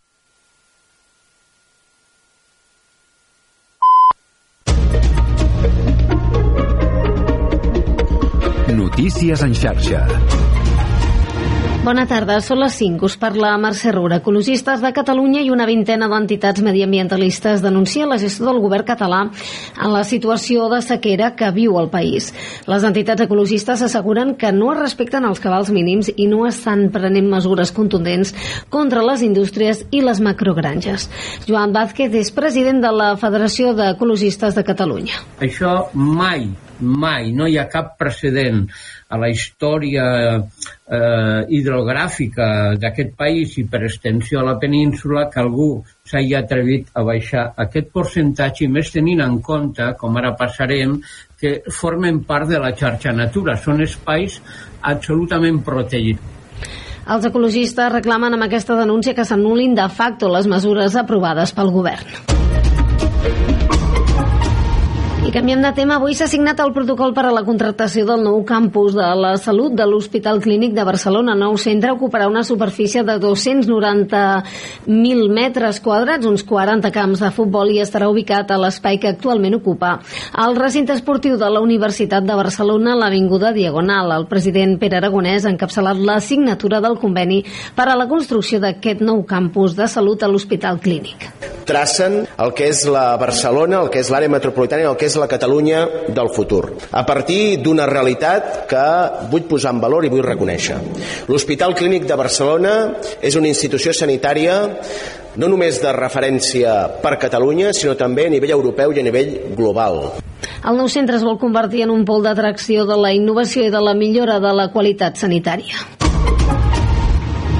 I l'Associació General d'Autònoms i Pimes Transportistes de Catalunya ha carregat contra les autoritats franceses per la passivitat que, segons ells, ha mostrat contra els bloquejos dels agricultors engegats al finals de la setmana passada. Recordem-ho que divendres passat vam estar eh, analitzant el que passava a prop de la frontera. En un comunicat, el col·lectiu sosté que l'actuació ha estat gairebé inexistent i recorda que els tractats de la Unió Europea recullen la lliure circulació de persones, béns i mercaderies. I avui arrenca a Terrassa una nova edició del Sex Education Film Festival que torna a la cocapital del Vallès Occidental per promoure l'educació sexual i trencar tabús entre joves i adults. Se celebra fins dimecres al Cinema Catalunya i també online amb una selecció de 45 curtmetratges. L'organització destaca la necessitat d'educar de manera lúdica per reduir les agressions sexuals entre menors. Tornem amb més notícies en xarxa. Notícies en xarxa.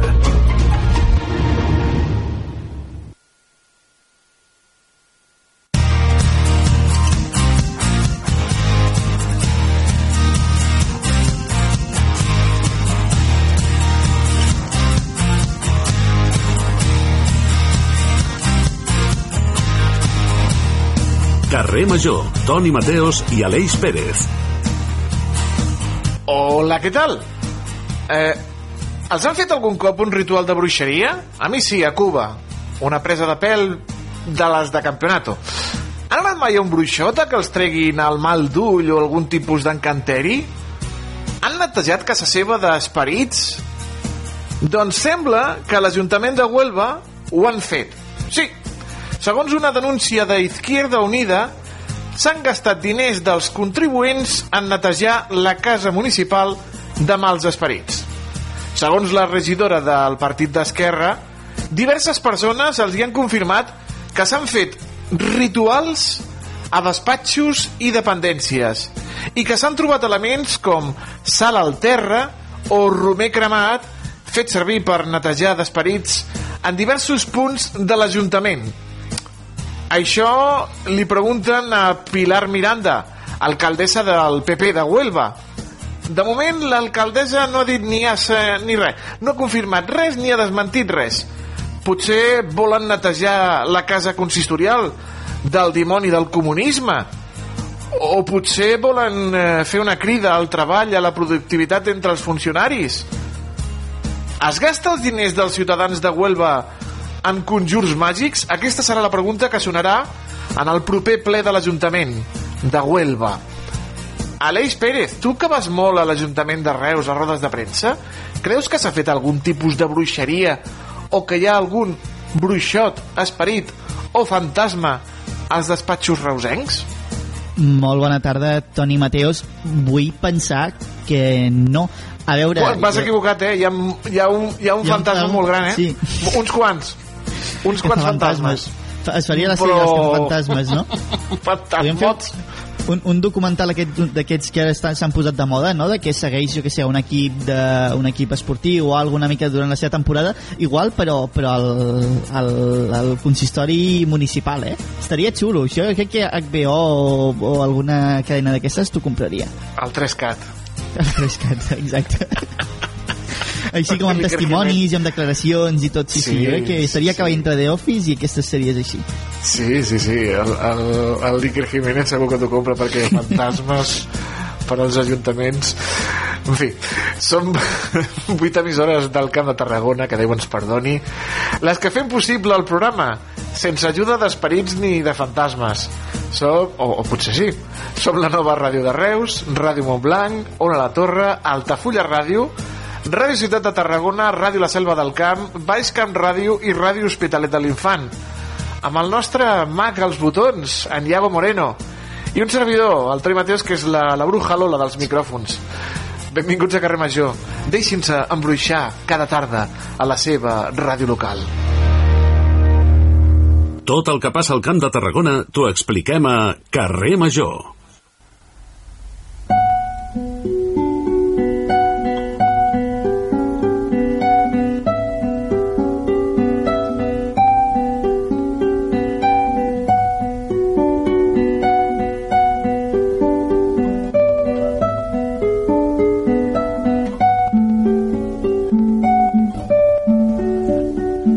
Tarragona perquè la catedral està d'enhorabona. Una nova ruta arqueològica al temple permetrà fer-se una millor idea de com van ser els orígens i l'evolució històrica del gran temple tarragoní. I aquesta ruta es posarà en marxa aquesta mateixa setmana. Tenim els estudis de Radio Ciutat de Tarragona el doctor en Història, el doctor Josep Maria Macías, al qual saludem. Senyor Macías, molt bona tarda. Molt bona tarda. Parlaven de fantasmes i d'esperits. La catedral de Tarragona, neta, no? Bé, pel que jo sé, sí, bastant neta. Som, som molts segles, eh? Som molts segles d'història, això. Què dius, Aleix, que són molts Que són segles molts segles d'història? d'història, això, eh? Jo no m'ho crec, jo amb tots els respectes, però a veure, han passat moltes ànimes per allà en aquella catedral. Sí, però potser tenim més fantasmes al present que no fantasmes Ah. al passat, eh? Molt bé, doctor, molt bé. Encara el que hi ha són racons a la catedral de Tarragona per descobrir, no? Sí, la catedral és, hem d'entendre quan diem catedral és la catedral, el claustre, espais, dependències annexes, no sé ben bé si això és una hectàrea i mitja o, o dues, no, no ho sé ben bé, però queden molts racons que a més a més ens expliquen 20 segles d'història. Uh -huh. En què consisteix aquesta nova ruta arqueològica de la catedral, doctor? Doncs eh, hem afegit un itinerari arqueològic que es pot visitar, eh, forma part del mateix circuit del Museu Diocesà i és un espai que era conegut per nosaltres, els arqueòlegs i el nostre entorn i que ara, a partir d'aquesta presentació, doncs és un espai que es pot visitar accedint al Museu Diocesà, no? Sobretot el que podem veure és admirar el que ens queda de l'arquitectura de, la, de la capital romana imperial amb unes parets que arriben als 8-9 metres d'alçada i que són el testimoni de l'antiga plaça sagrada que es va construir en el segle I. I després tenim un munt de coses afegides a partir del segle XII, segle XV, XVI i en definitiva ens explica una història de, de part de la nostra ciutat i també ens, ens permet veure la complexitat del patrimoni en tant que allò que veiem nosaltres sempre és el resultat de construccions, destruccions, reparacions, modificacions. És un petit assaig d'interpretació arquitectònica del nostre passat. Exacte, perquè, senyor Macias, aquí convergeixen, no?, la tàrraco romana, també amb la tàrraco medieval, tenien similituds i diferències a pesar d'aquests segles de transformació. Va prendre inclús la medieval de la, de la romana, què n'opina? Eh, no s'explica la ciutat medieval sense conèixer la ciutat ardomana, i coneixent la ciutat medieval podem conèixer la ciutat ardomana. Són dues realitats que interactuen en ella mateixa, i totes dues van incidir en un mateix indret, que és el que nosaltres denominem l'acròpolis de Tarragona, que és la muntanya, una muntanya que ja va, ja va ser foradada, ja va ser alterada en aquella època no? per poder construir una gran plaça pagana, en aquest cas de dues hectàrees de superfície. No? O sigui, els romans van fer allò que van intentar fer els tarragonins a finals del segle XX amb la construcció del pàrquing intel·ligent de Jaume I. Transformar la muntanya i utilitzar-la aquesta nova ruta arqueològica um, s'estrena el proper dissabte. Quines novetats n'hi ha, doctor? Hi ha noves sales, també d'altres que tenien abans un espai diferent i que ara doncs, han estat reformades, no? Sí, sí. De fet, ja està operatiu l'itinerari arqueològic. Aquest dissabte el que hi ha és una jornada de portes obertes.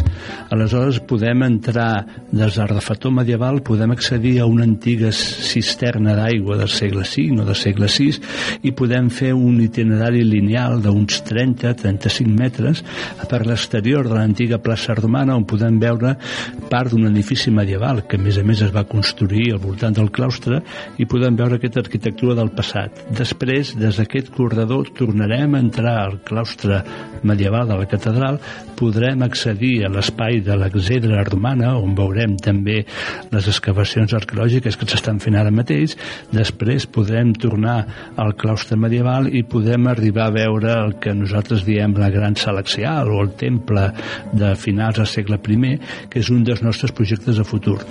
En tot cas, la, la museografia que hem fet és un diàleg constant entre el patrimoni, el visitant i contínuament interactua amb el claustre medieval, que és un altre element patrimonial que avui en dia està en ús, no? I, i reflecteix un projecte que tenim de convertir la catedral de Tarragona, un projecte encapçalat pel Museu Diocesà, en què, a més a més, un espai simbòlic, espiritual, pugui ser un espai de generació de continguts culturals i que ens expliqui el patrimoni de la ciutat que, com dèiem abans, en aquest indret gairebé té 20 segles d'història ha parlat vostè d'un passadís d'aquest pas eh, que connecta dues zones, reformat i adaptat pels visitants, sí. que a més a més passa per dues capelles i, i era gairebé una zona desconeguda pel, pel gran públic. Sí, sí, no. És una zona que a més a més ha estat objecte d'excavacions arqueològiques a finals del segle XX, és un dels espais on més es pot contemplar la magnitud i la monumentalitat de l'arquitectura del que era la capital de la província romana més extensa de l'imperi romà, aleshores, i és un espai on podem copsar la tecnologia, el poder de l'imperi i com això, al final, ha estat predeterminant la pròpia construcció de la catedral medieval, la catedral que, a més a més, està damunt de l'antic temple d'August, eh, les, el projecte arquitectònic urbanístic de la catedral medieval es reprodueix a la seva manera el projecte urbanístic de la, de la gran plaça romana i tot això connecta amb el pla de la Seu, les escales del carrer Major i el mateix circ a la part baixa, que és el millor exemple de com una ciutat medieval i moderna es superposa i es transforma, però sense oblidar mai el seu passat romà. Doctor, com són totes aquestes tasques de, de, de reformulació, d'una mica de, de cura i de posar-ho tot a lloc i preparat per l'arribada la, per de visitants? Bueno, eh, primer em podeu dir Josep Maria, perquè ja se'm fa una mica pesat això de doctor. Eh, això el que és senzillament una adequació d'un espai que ja va tenir una transformació arquitectònica per el seu, per el seu trànsit. Es fan una sèrie de plafons amb dibuixos, fotografies, alguns codis QR que permeten anar a pàgines web i sobretot s'intenta establir un diàleg entre el visitant, el patrimoni arquitectònic i tota la informació que hi ha en els plafons ja aviso que també això és per nosaltres un petit assaig de comunicació en tant que es tracta d'un patrimoni arquitectònic que, s'ha preservat de forma barrejada, que és complexa d'entendre, però que demanem i exigim al mateix temps un petit esforç d'anàlisi i de visualització del visitant. No es tracta d'un espai d'immersió en què puguem anar amb unes ulleres i, i, tenim, i és un entorn sensitiu, sinó que és un espai de lectura, de contemplació i de reinterpretació. I en certa manera manera això també ofereix al propi visitant que ell mateix descobreixi una realitat, la descobreixi, la interpreti i la pugui arribar a entendre, que és el pas previ a la seva valoració i al seu apreci. Uh -huh. Tot això, com ens ha comentat, eh, ja està a disposició del públic. Dissabte hi haurà una visita uh, de portes obertes, una jornada de portes obertes, però és que aquest dissabte passat hi va haver una visita guiada molt especial, no? Sí, bueno, el meu company, Andreu Muñoz, que és el director del museu, ell segueix amb la seva dinàmica de difusió, crec que ja tenia una visita paraulada, i també aquest dissabte crec que hi serem tots presents, i és un espai que en el futur, amb les noves estratègies de, de difusió del Museu Diocesà, esperem que es pugui visitar tant de forma individual com de, que com acompanyat per guies especialitzats no? en aquest sentit el Museu Diocesà està fent una aposta per la seva difusió per la seva socialització amb un caràcter temporal diacrònic i esperem que sigui doncs, que això tingui molt d'èxit no? no només perquè fa patrimoni arquitectònic medieval sinó també per tot allò que és el patrimoni arqueològic eh, no endavades actualment el Museu Diocesà de Tarragona és el quart espai més visitat de la ciutat. No? Primer tindríem el sector del circ, el pretori, després l'amfiteatre, després les muralles i després el Museu Diocesà. Tot i que l'any 2023 crec que el Museu Diocesà va quedar en segon lloc. No? Eh, van fer una estadística en els darrers 20 anys, ha hagut una mitjana de visites al Museu Diocesà d'unes 85.000 persones, que és una xifra prou destacable. A més a més, s'ha passat una crisi, que era la crisi pandèmica, i també també durant dos o tres anys la catedral va estar tancada per obres i això va afectar el nombre de visitants, però en el futur la idea és convertir el Museu Diocesà en un gran, en un gran centre d'exposició de la cultura i el passat de la ciutat de Tarragona. Per tant, Josep Maria, és possible un equilibri entre la divulgació i alhora també la preservació de tots aquests espais històrics i, i protegits? Aquest equilibri passa per la selecció dels bons indrets per desenvolupar aquesta estratègia. Aquí això donaria peu a dies i dies de reflexió de com trobar l'equilibri entre el progrés, la transformació de la ciutat actual i la preservació del coneixement i la difusió d'aquells espais emblemàtics. En aquest sentit, la catedral, que és l'edifici més antic de Tarragona que conserva la seva funció original és un indret perfecte per trobar aquest equilibri, per, per expressar-ho de forma convincent i a més a més és un espai on podem trobar arquitectura, pintura, escultura de diferents períodes històrics de la ciutat, eh, fins i tot arquitectura del segle XIX i és com una mena del nostre petit Museu Nacional d'Art de Catalunya, en tant que a través de la seva pròpia pinacoteca i de les mostres escultòriques és l'espai de Tarragona més indicat per conèixer la transformació de la muntanya i per conèixer l'evolució de les creences i de les seves manifestacions artístiques. Com s'imagina el futur, senyor Macias, ja que veiem intel·ligències artificials, eh, realitats virtuals el futur pot ser increïble, no? A veure, eh, aquí això és una altra qüestió, no? Si la, la, la museografia o la visita dels espais arqueològics han de ser uns espais sensitius o han de ser també uns espais de descoberta del coneixement. Amb això també podíem trobar uns paral·lelismes amb el que s'està reflexionant ara entorn al món educatiu i els famosos informes PISA, no? M'explico. Si donem al visitant tota la informació a través d'audioguies, a través de realitat augmentada, de models d'interpretació, al final el que estem creant és un entorn mig eh, cinematogràfic, mig de relat històric i, això, i tot això pot anar en detriment de la capacitat d'observació i de redescoberta del patrimoni quan un visitant el, el visita, per donar la redundància, i ell mateix ha d'anar veient la complexitat, la diversitat de fets històrics de l'espai cultural que està visitant. En aquest sentit, eh, el visitant ha de tenir prou elements per jutjar, per redescobrir i no ho ha de rebre tot mastegat perquè si no al final no hi ha cap esforç. Visitar un espai arqueològic visitar un museu és també una experiència de redescoberta de reinterpretació. No t'ho han de donar tot embolcallat amb, amb unes ulleres o amb que sigui que tu al final només estàs contemplant i no estàs redescobrint ni reinterpretant. És una visió meva que parteixo d'una experiència museogràfica de, de l'anterior segle o de l'anterior mil·lenni és una cosa que, això, que, és, que és important també recalcar, no? que a vegades també s'ha de eh, reinterpretar la manera en com es consumeixen també totes, aquests, totes aquestes eh, informacions i recorreguts.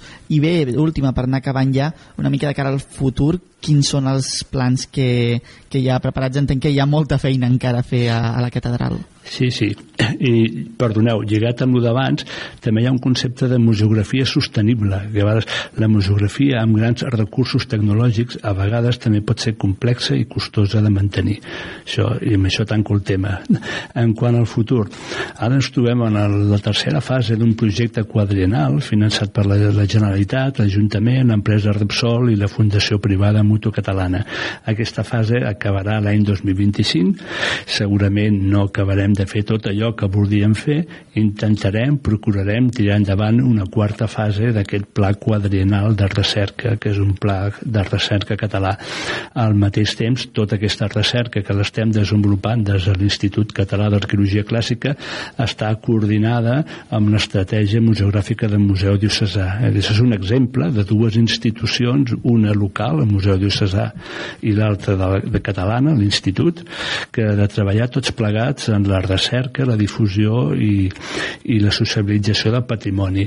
En el futur la nostra intenció és ampliar el museu, ampliar aquest itinerari arqueològic que forma part del Museu Diocesà, revisar els fons del museu que té el Museu Diocesà, ja que fa un segle que es fan excavacions arqueològiques, i intentar que la visita de la catedral contempli alternativament espais de patrimoni arqueològic, espais d'art medieval cristià i la pròpia contemplació del temple de culte actual.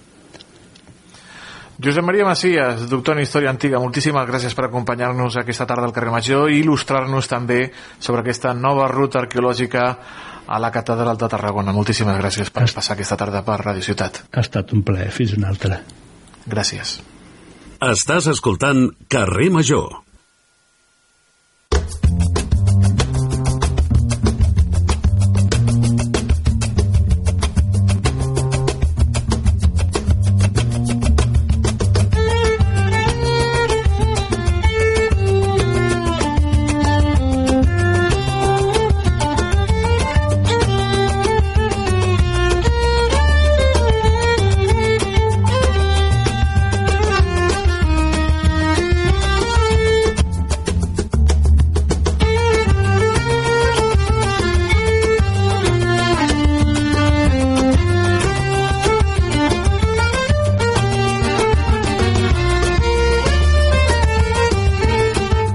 Avui hauríem d'haver anat a la secció de la nostra estimada Maribel Martínez, però està de viatge i no pot tornar.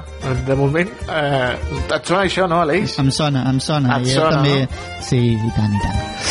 li sona a l'Eix i li sona a molta gent que li han cancel·lat el vol de tornada i avui a la tarda no hi pot ser amb nosaltres, però anem a viatjar que sempre ens agrada doncs, donar un tom per aquí pel carrer Major i sortir una mica del nostre territori. Uh, tornem a amb col·laboradors que van marxar fora del Camp de Tarragona a buscar-se les castanyes i, i castanyes calentes perquè avui anirem cap a Finlàndia amb la Vicky Viana, una tarragonina que se'n va decidir anar al Helsinki quin fred Vicky Viana, bona tarda Hola, bona tarda. Què tal? castanyes calentes a Helsinki, sí o no? Home, sí que es necessiten, no?, una miqueta. La veritat. Com va sorgir l'oportunitat de marxar cap a Finlàndia, Vicky?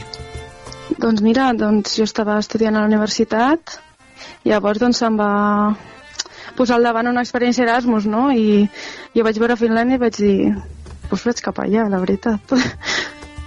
I així. O sigui, se, se, se't, va, se't va clavar la mirada allà, o sigui, tu tenies allà tot el llistat de tots els països i vas dir, mira, Helsinki sí. em crida l'atenció. Havies pensat amb anterioritat o, o va ser així de, de patac? Jo sempre volia anar en un dels països nòrdics, no? Llavors, clar, jo quan buscava països per anar d'Erasmus, quan vaig veure Finlàndia, dic, buah, aplico aquí i a veure si m'agafen, no? I sí, sí. Jo, jo he estat a Finlàndia, jo he estat eh, 24 hores a Finlàndia i he de dir que és un país caríssim. Sí. Caríssim, Vicky. Com, com Ho és, ho és. per allà? Mira, com que al ser un Erasmus, doncs també tens ajudes i jo sobretot a l'estiu vaig treballar per fer una mica d'estalvis i, i clar, poder-hi anar allà. El que també està bé allà és que al ser estudiant doncs tens molts avantatges i molts descomptes en diversos llocs, llavors se't fica una mica més fàcil en aquest sentit. Bueno. Molt, Quin va ser el primer impacte o sensació que vas tenir a, a l'aterrar a, a Finlàndia? Home, a veure, la, és una mica de xoc cultural, no?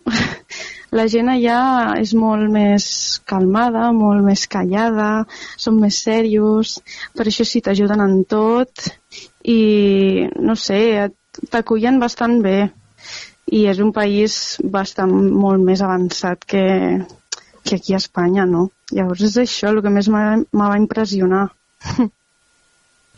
també això que comentaves, no? en, en relació als diners, no sé també si en quines eren aquestes ajudes econòmiques que permetien als joves fer la vida una mica més fàcil.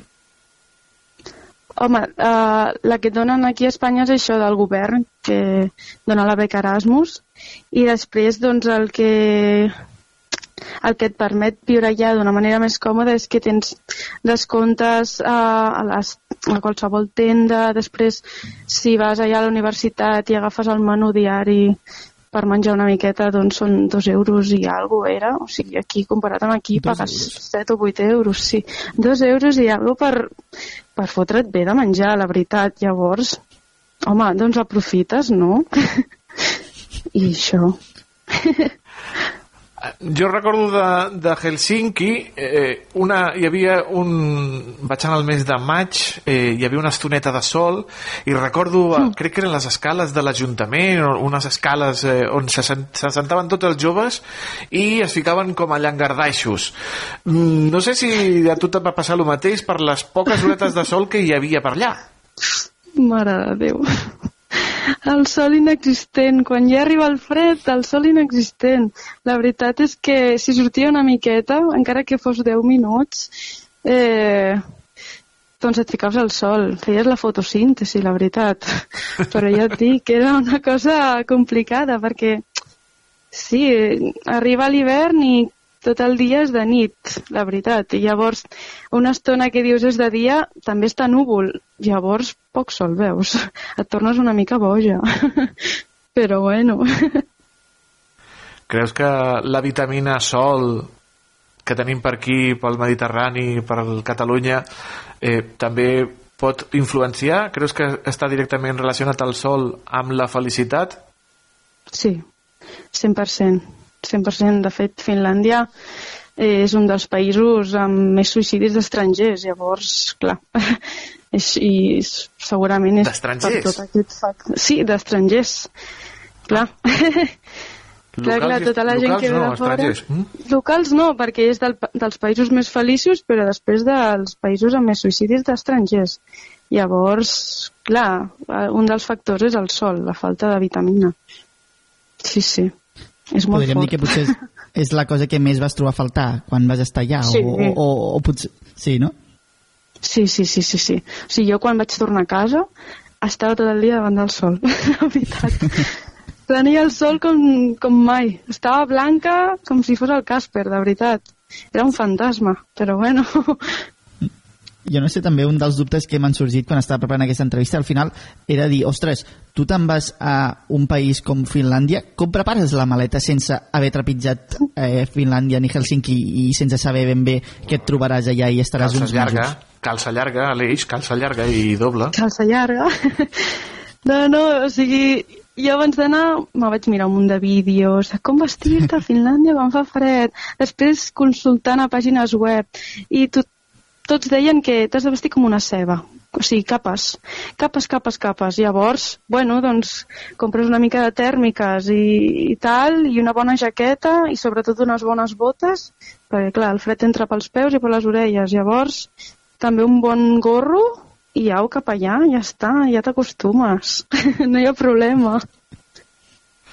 Jo quan eh, eh, recordo que mm, Noruega, Finlàndia, tots aquests països, eh, Suècia, semblen cat eh, els, els nois i les noies semblen trets d'un catàleg de l'H&M, eh, són alts, rossos, amb la pell Sí. blanca, ulls blaus, Eh, no, no sé com, com, com deu ser tu, Vicky, però eh, no cridaves l'atenció com a, com a mediterrània? Sí, oh, i tant que sí. Home, si et fiques enmig d'ells...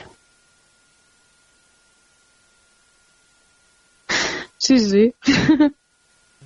M'han passat per aquí eh, que una de les teves passions és la fotografia.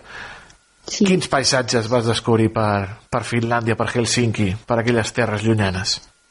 Doncs jo molts llacs, molta natura, que és el que m'encanta, molta calma i sobretot les aurores boreals. Això és un espectacle visual. De veritat, és el més bonic que vaig veure. De veritat, i vaig fer moltes fotografies, encara les he de mirar bé perquè m'encantaria exposar-les i buah, és que és una passada. És, és enmig de paisatges blancs quan neva i veus aquestes casetes de color vermell. És, és espectacular, la veritat. Per tant, les aurores boreals valen la pena, no? No sé també una mica com és el viatge o què has de fer per arribar a veure-les. Has de viatjar, entenc que has de sortir de la capital o, o no cal. Home, jo al viure a prop d'un llac i justament quan vaig arribar de casualitat a l'agost, el 12 d'agost va haver aurores boreals i jo vaig flipar, dic, no pot ser, si estem a l'agost, saps? O sigui, normalment comencen al novembre o així. Doncs no, no, a l'agost, allà al mig de la foscor és quan les veus i és que ja et dic, és un espectacle i val molt la pena. Has de tenir sort, eh, sobretot. Molta sort has de tenir. Uh -huh. I parlaves abans del menjar, que t'oferien menjar per dos euros. Eh, jo vaig intentar menjar aquell peix fastigós que fa una pudor tremenda, que ells s'ho mengen eh, com, com, com a bojos, i jo només d'olorar-lo m'entraven arracades. Què destacaries de, de la cuina fianesa? A veure, com la cuina d'aquí a casa, res. Veus? Llavors, veus, quan te'n vas fora, bueno, busques solucions, no? Jo ja et dic, jo menjava a la, a la universitat doncs, el que em donaven, que tampoc estava malament, que passa que els agrada molt el picant, jo no sé per què. I després jo em cuinava a caseta a la mar de bé, però ja et dic, com, com a casa cap lloc. Es troba, es troba a faltar, la veritat, la cuina d'aquí, la cuina mediterrània. Una bona truita de patates. Oh, en sí, lloc sí, sí, d'aquelles pa amb aren- tomàquet. a- a- o pa amb tomàquet en lloc d'aquells arenques que, que fan pudor a, Sí, no, no, no. a, a, a podrit i que se mengen allà. Com a molt el salmó. Com a molt el salmó. Sí, mira, salmó. Està ben bo. doncs, eh, Vicky Viana, moltíssimes gràcies per explicar-nos el teu Gràcies viatge a Helsinki. Quant, quant, quant de temps hi vas estar durant l'Erasmus? No, un curs sencer, no? No, vaig estar sis mesos, mig any. Sí, sí. Uh -huh. I tornaries? Va passar ràpid. I tant, ho trobo a faltar, la veritat. Mira, troba a faltar aquell, aquell clima tan magnífic. El menjar, també. El clima no, però el país sí. Vicky Diana, moltíssimes gràcies per explicar-nos la teva experiència aquí al carrer Major. Una abraçada. Merci, un petó. Adéu. Adéu. Carrer Major és proximitat.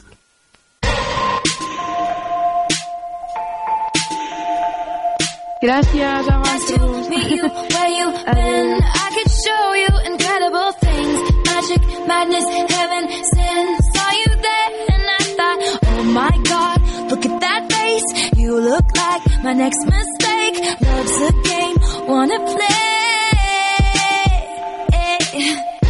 New money, suit and tie.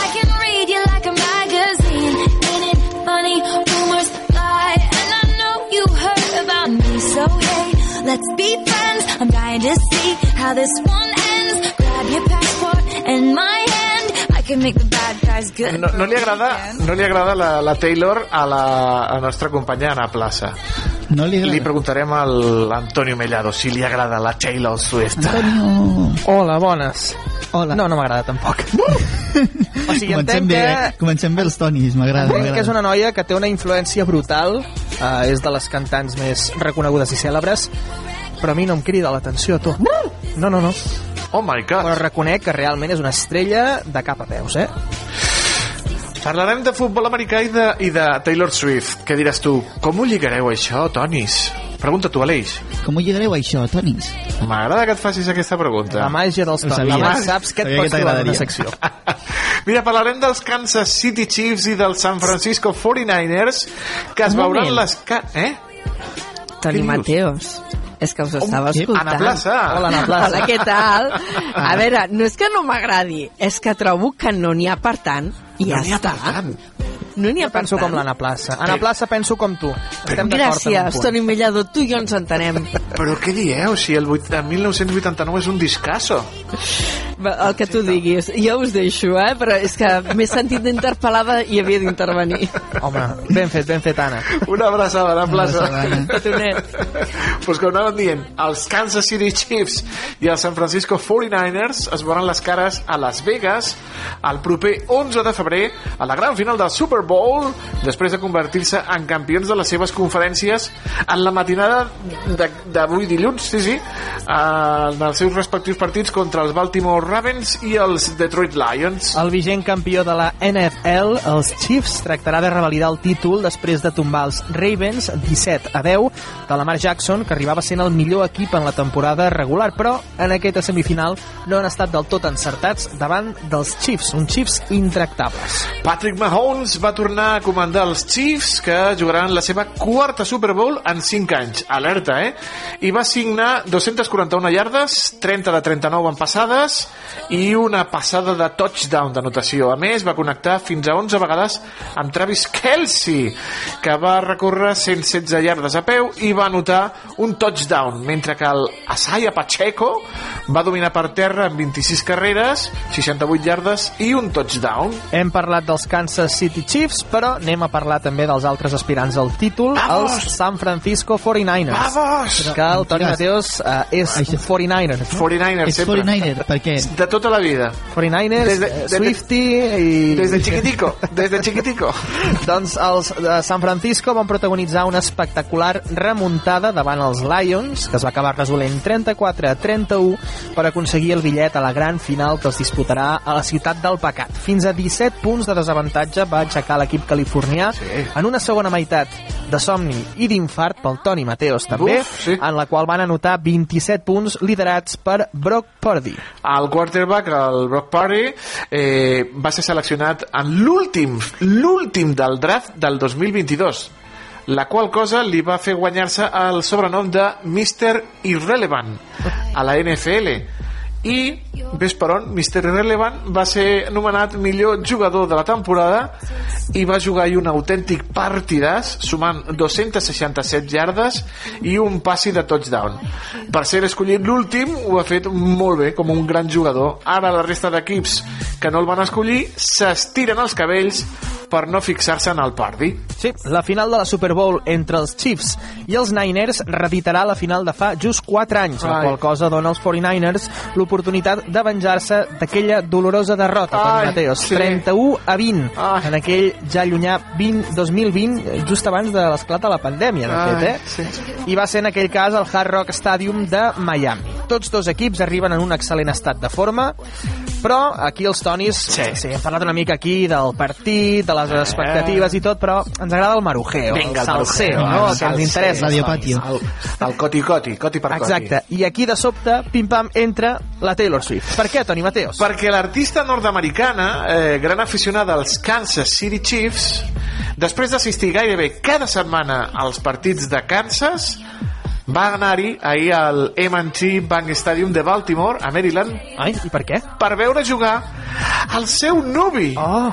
el jugador dels Kansas, Travis Kelsey. Oh, oh l'amor i la Taylor Swift. Quin munt de cançons li esperen al pobre Travis si trenca com a parella amb la Taylor, perquè les cançons de la Taylor de desamor són les més aplaudides. I tres o quatre discos, eh? Perquè aquesta senyora no para de fer discos, eh? De No, no, veritat, entre però- que redita les versions anteriors i les, i les noves, en fi. L'artista va arribar a Baltimore al migdia i ha fet costat a la seva parella, animant des d'una de les llotges, com porta fent setmana rere setmana des de setembre. Sempre això sí que l'agenda li ho permet, perquè aquesta senyora ha estat tot el dia de concerts, Sí. eh? Aquesta vegada fins i tot ha saltat al camp al costat de Donna i Ed Kelsey, els pares del jugador, i allí doncs l'ha abraçat i s'han fet un petó públicament, en un gest poc habitual Sí. sí. d'una artista que manté la seva vida privada molt al marge. pues no? mira, ahir es van fer un petó perquè, clar, arriba a la final. No obstant això, encara que Swift ha estat al costat de Kelsey pràcticament des de l'inici de la temporada regular, ara queda el gran dubte, Aleix. Estarà la cantant a la final de la Super Bowl? Això. El partit més important de l'any? Mm. És com de pel·li d'amor, és de trama de pel·li d'amor, això, eh? Perquè no serà tan fàcil, Aleix. Tot apunta que sí que hi serà, però així s'ho muntarà la Taylor Swift per estar a la gran final del futbol americà. Hem fet una petita investigació, els Tonis, Sí? per descobrir com s'ho farà per arribar aquell dia. Perquè recordem que Taylor arrenca la seva gira internacional amb ni més ni menys que 85 concerts fins a finals de novembre. Ojo. Comença el proper mes de febrer a Tòquio, on estarà 4 nits, el 7, el 8, el 9 i el 10 de febrer. Després saltarà a Melbourne i Sydney, Austràlia, en altres 6 shows fins a finals de mes, i ja al març anirà a Singapur. Després farà una aturada i al maig arribarà a Europa. Estrenarà el Bernabéu a Madrid, Lisboa, també tia, eh, viatjarà a Milà, a Londres, fins a l'agost per acabar de nou als Estats Units i finalment al Canadà el mes vinent de desembre. Tots aquests concerts convertiran a la nostra Taylor Swift en mil milionària. Bravo. Sí, sí, com ho sentiu, mil milionària, no milionària. No, No, no, mil milionària. Però tornem al Japó. Ah, així m'agrada, Toni Mateos. Tornem a la investigació que hem fet des dels Tonis. Ha dit l'Antonio 7, 8, 9 i 10 de febrer, on farà el seu darrer concert. I la Super Bowl es juga l'11 de febrer, diumenge a Las Vegas. Mm. Com s'ho farà Taylor Swift? Bona pregunta, Toni Mateos. La capital nipona, Tòquio, fins a Las Vegas, hi ha uns 9.000 quilòmetres de distància, la qual cosa suposa gairebé mig dia de vol, és a dir, al voltant de 11-12 hores. El fet que no hi hagi vols directes no hi és problema per la Taylor Swift, perquè com ha dit l'Antonio és mil milionària i ella es mou en avió privat coses dels mil milionaris Un problema menys. Però sí que va justa, eh, amb els temps. La qüestió principal, atenció, és la diferència horària. Hi ha 17 usos diferents entre el Japó i la costa oest dels Estats Units. Ostres! Però aquest fet rema al seu favor. I és que l'artista acabaria el seu concert sobre dos quarts d'onze de la nit hauria de sortir de l'estadi, acudir a l'aeroport i sortir per després volar unes 11 hores. Hem calculat que si Taylor Swift s'enlaira a la mitjanit del dissabte, serien les 7 del matí a Las Vegas, aproximadament, arribaria a Las Vegas dissabte a la tarda. Apa. I el partit es juga diumenge. Arribaria amb molt de temps Sobrada. i podria dormir a Las Vegas, perquè anar en contra del rellotge juga al seu favor, li van restant hores. Fins i tot Taylor Swift podria fer nit o dormir unes horetes a Tòquio, despertar molt de matí i volar fins als Estats Units. Sí, com sigui, el partit dels Chiefs contra els 49ers arrenca el diumenge 11 a dos quarts de 4 de la tarda, hora local del Pacífic. Nosaltres a quina hora estarem, Toni, aquí? Eh, 12 de la matinada, una cosa així, 12 de la nit, una coseta així. I la veuràs, no? Suposo. per favor. Per la qual cosa, i tornant a la nostra investigació, si la Taylor Swift, per exemple, sortís a les 12 de la nit i volés unes 12 hores, continuaria encara guanyant temps i arribaria a Las Vegas al voltant de les 7 de la tarda del mateix dissabte, una jornada abans de l'arrencada de la gran final. Per tant, tot sembla que sí, que veurem a la cantant animant el seu nuvi gegant i forçut dels Kansas. Jo, com a aficionat dels 49ers de tota la vida des de chiquitico, espero la victòria de eh, Brock Purdy sobre Patrick Mahomes. Vull veure el senyor McCaffrey eh, passant pel damunt del nuvi de la Taylor Swift. I és que des del 1994 que espero que guanyin algun títol, que va ser l'últim eh, el 1994. Ai, quins temps amb el Joe Montana que em recorden també que sóc un iaio també m'ho recorden això Per cert, uh, Asher serà l'artista elegit per amenitzar el... Yeah, yeah. Exacte. La final del Super Bowl, no? El famós uh, intermedio, no? Allà en què Sí, tothom se'n va... Que, que ja n'hem parlat molt, els tonis, no? Del, Parlarem del... de les tones, de... de les tones de menjar que es fan Exacte, de que, si- tothom va al lavabo, Exacte, etcètera, que si tiressin tots a la vegada si no, bueno, del, en fi eh, més endavant de cara, al- de cara al mes de, de febrer del, Que de encara- l'11. encara queda una miqueta. Encara queda una miqueta com aquell que deia 15 dies. Antonio, gràcies, una abraçada. Fins dimecres, Toni Mateos. Fins dimecres. Adéu. adéu, adéu. És un temazo, és un temazo això, home. És que... Anava a dir, però Era- s'ha de patir, eh, també. S'ha de patir tenint la teva parella ja fumant-se a cops nets amb, amb paios de dos metres. Jo no sé si ho passaria massa bé. eh? Eh, Taylor, eh, a veure... Eh, Jo patiria. Jo tu patiries.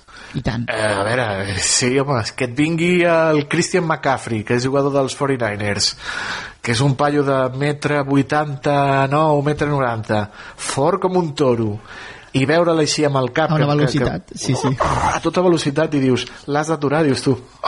Ai. Allò, la força de la gravetat, no? I, i una mica les, les, les lleis de Newton, no? Que, però Se les passa per un vol, no, aquest home, les lleis de la gravetat. Déu-n'hi-do, déu nhi déu Anem amb la banda sonora, anem a veure què ens porta avui el David Fernández que soni. Mamagu, sota l'ombra d'un arbre, no queden núvols que em vinguin a veure, passa la tarda pensant-te, i és molt dur, només imaginar-te, tot allò que ens faríem si no ens aturessin els altres. Però quan m'arriba la teva notificació, somric com un tonto que no té perdó. I quan m'arriba la teva notificació, sóc ric sense un duro i estic molt millor. I de sobte tot sonrises, alegries i la pena, l'enemic un bon col·lega, solucions i no problemes. I de sobte tot sonrises, alegries i la pena, que, és que Valls està de moda a l'Eix, Valls, ahir la festa de la calçotada... Dies grans, eh? Dies, Dies grans, grans. abans. El, de fet, I, com no, els Figaflaues, que van ser també eh, ahir homenatjats en la gran festa de la calçotada de Valls tenien el seu propi stand els Figaflaues per presentar el seu nou disc que es diu Calçotada i que el nostre company el David Fernández va desgranant i va oferint-nos nous temes i noves cançons aquesta rumbeta amb tocs amb gana, no? eh? Molt fet amb gana, no? No et recorda una mica el fet amb gana? Aquestes... Sí, una rumbeta així mm, amb tocs urbans eh, que ara estan molt de moda. Anem a escoltar la, la veu del, del professional, del David Fernández des de la nova ràdio de Reus. El saludem, David. Molt bona tarda. Hola Toni, hola Aleix, molt bona tarda. Avui de ben segur que ja heu identificat qui són aquesta gent que canta, eh? Una gent que hem anat escoltant sovint aquí al programa i que el passat divendres treien el seu segon disc i un disc que n'estem segurs que serà un dels treballs discogràfics més destacats d'aquest any eh, aquí al nostre territori. Els Figaflaues publiquen aquest treball després d'haver guanyat el concurs Sona Nou, cosa que els ha permès signar un contracte discogràfic amb Halley Records i editar aquest La Calçotada. Així han decidit batejar aquest treball, que no és el disc de debut, perquè el 2022 els Figaflaues es van autoeditar un disc anomenat Joves Tendres. En aquest disc, que per cert surt a la venda aquest dilluns, perquè sí, es va publicar els divendres, el divendres a les plataformes, ahir el van signar a la gran festa de la calçotada de Valls i avui ja el podeu trobar a totes les botigues. Hi haurà cançons que de ben segur coneixeu, com aquell Diable, Mossego, l'Aurora, l'Extraterrestres i el Xalalà, i la resta són cançons noves, com per exemple aquesta que hem escollit per escoltar ara, que es diu Solucions i no problemes. Una banda que, com diem, enguany de ben segur que es farà un far de fer bolos. De fet, el 20 d'abril presenten aquest disc a l'Apolo, a Barcelona, i ja van penjar fa dies el cartell d'entrades esgotades. Veurem a veure si tenim ocasió de veure els Figaflaues en directe, per aquí, per casa nostra, i a veure si un dia, també ben aviat, podem parlar amb ells de la seva música. Avui, doncs, els Figaflaues és la banda sonora del dia del carrer Major. Solucions i no problemes. Doncs, eh, David Fernández, moltíssimes gràcies per portar-nos als Figaflaues i anem amb la furgoneta del carrer Major, amb la Cristina Artacho. Xium, xium, molt bé, Aleix. Molt bé, molt Cada bé. faig més com els rajos de Star Wars, que disparen. Anem a veure cap on va avui, ràpid, ràpid. Avui va de velocitat, amb la ganxeta. ai, la ganxeta, ai, la ganxeta. Anem a veure què ens explica la Cristina Artacho d'aquest sistema de bicicleta compartida de Reus. Cristina, bona tarda. Avui a la Furgo som a Reus. I mira, si veieu per aquí darrere tenim ja totes les ganxetes preparades perquè demà tots els ciutadans i ciutadanes de la ciutat les puguin fer servir. La ganxeta, aquest, aquest primer, aquesta primera bici compartida a la demarcació de Tarragona. Però per explicar-nos-ho amb tots els detalls m'acompanya aquí al costat el Daniel Marcos, que és el president de Reus Mobilitat i Serveis. Molt bona tarda, Daniel. Molt bona tarda i moltes gràcies per ser-hi a la nostra ciutat avui. Comentàvem no, que ens, Reus es posa a pedalar en un sistema de mobilitat pública i sostenible.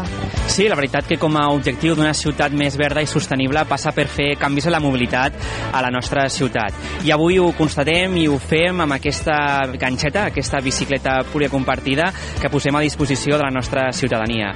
Mira, a la nostra ciutat hem repartit 21 punts d'anclatges a diferents punts de la nostra ciutat, als barris, al centre, per poder fer aquestes connexions amb la bicicleta. I en aquests punts hem desplegat doncs, a prop de 250 bicicletes. Uh, per fer-ho doncs, d'una manera fàcil i intuïtiva eh, hem desplegat una aplicació que es diu Ganxeta, on els usuaris ja la, la poden trobar a la seva, al seu marketplace dels diferents dispositius mòbils i quan se la descarreguin molt fàcilment s'han de registrar i allà doncs, trobaran uh, un mapa amb els diferents punts on s'hi podran trobar les bicicletes i les bicicletes tant lliures com uh, per poder-les deixar posteriorment. No sé fins ara eh, quantes descàrregues de l'aplicació ja hi han hagut i quin és la, quines són les perspectives de l'Ajuntament? Bé, doncs eh, avui eh, precisament ja fem aquesta inauguració de la ganxeta. Demà els usuaris ja la podran començar a utilitzar i durant aquests dos mesos que hem anat sortint comunicativament, a dir que ja estava aquí, hem presentat eh, la bicicleta, hem dit doncs, diferents, en diferents eh, rodes de premsa informació, eh, doncs gairebé 600 persones ja s'han descarregat l'aplicació la, i estan pendents de validació.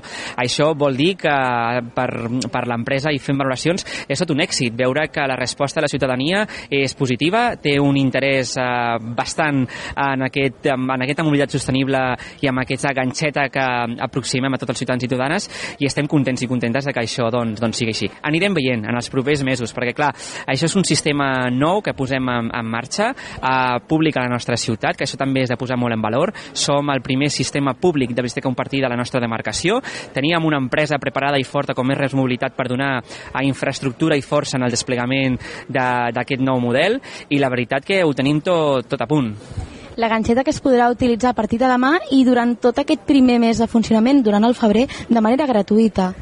Clar, volem que tothom, sigui de més de Reus o de fora, perquè també els visitants la podran fer, la podran fer anar, no? Uh, volem que la tastegin, que la provin, que se la facin seva, i per això hem fet que durant tot el mes de febrer sigui gratuït el seu ús. Com ho han de fer? Doncs hem fe, fet un còdic promocional que es diu Estrena, uh, que quan vas a comprar l'abonament introdueixes aquest còdic i tindràs uh, l'abonament diari, diguéssim, d'usos il·limitats durant 30 minuts, 24 hores, i a més il·limitat. Això vol dir que si avui introdueixo el còdic, demà també el puc uh, tornar a utilitzar, i durant tot el mes de febrer. Per això, perquè volem que la ciutadania la provi, se la faci seva i vegi que és un element que afavorirà molt en el seu dia a dia i afavorint aquesta mobilitat sostenible, sobretot per l'emergència climàtica que estem patint.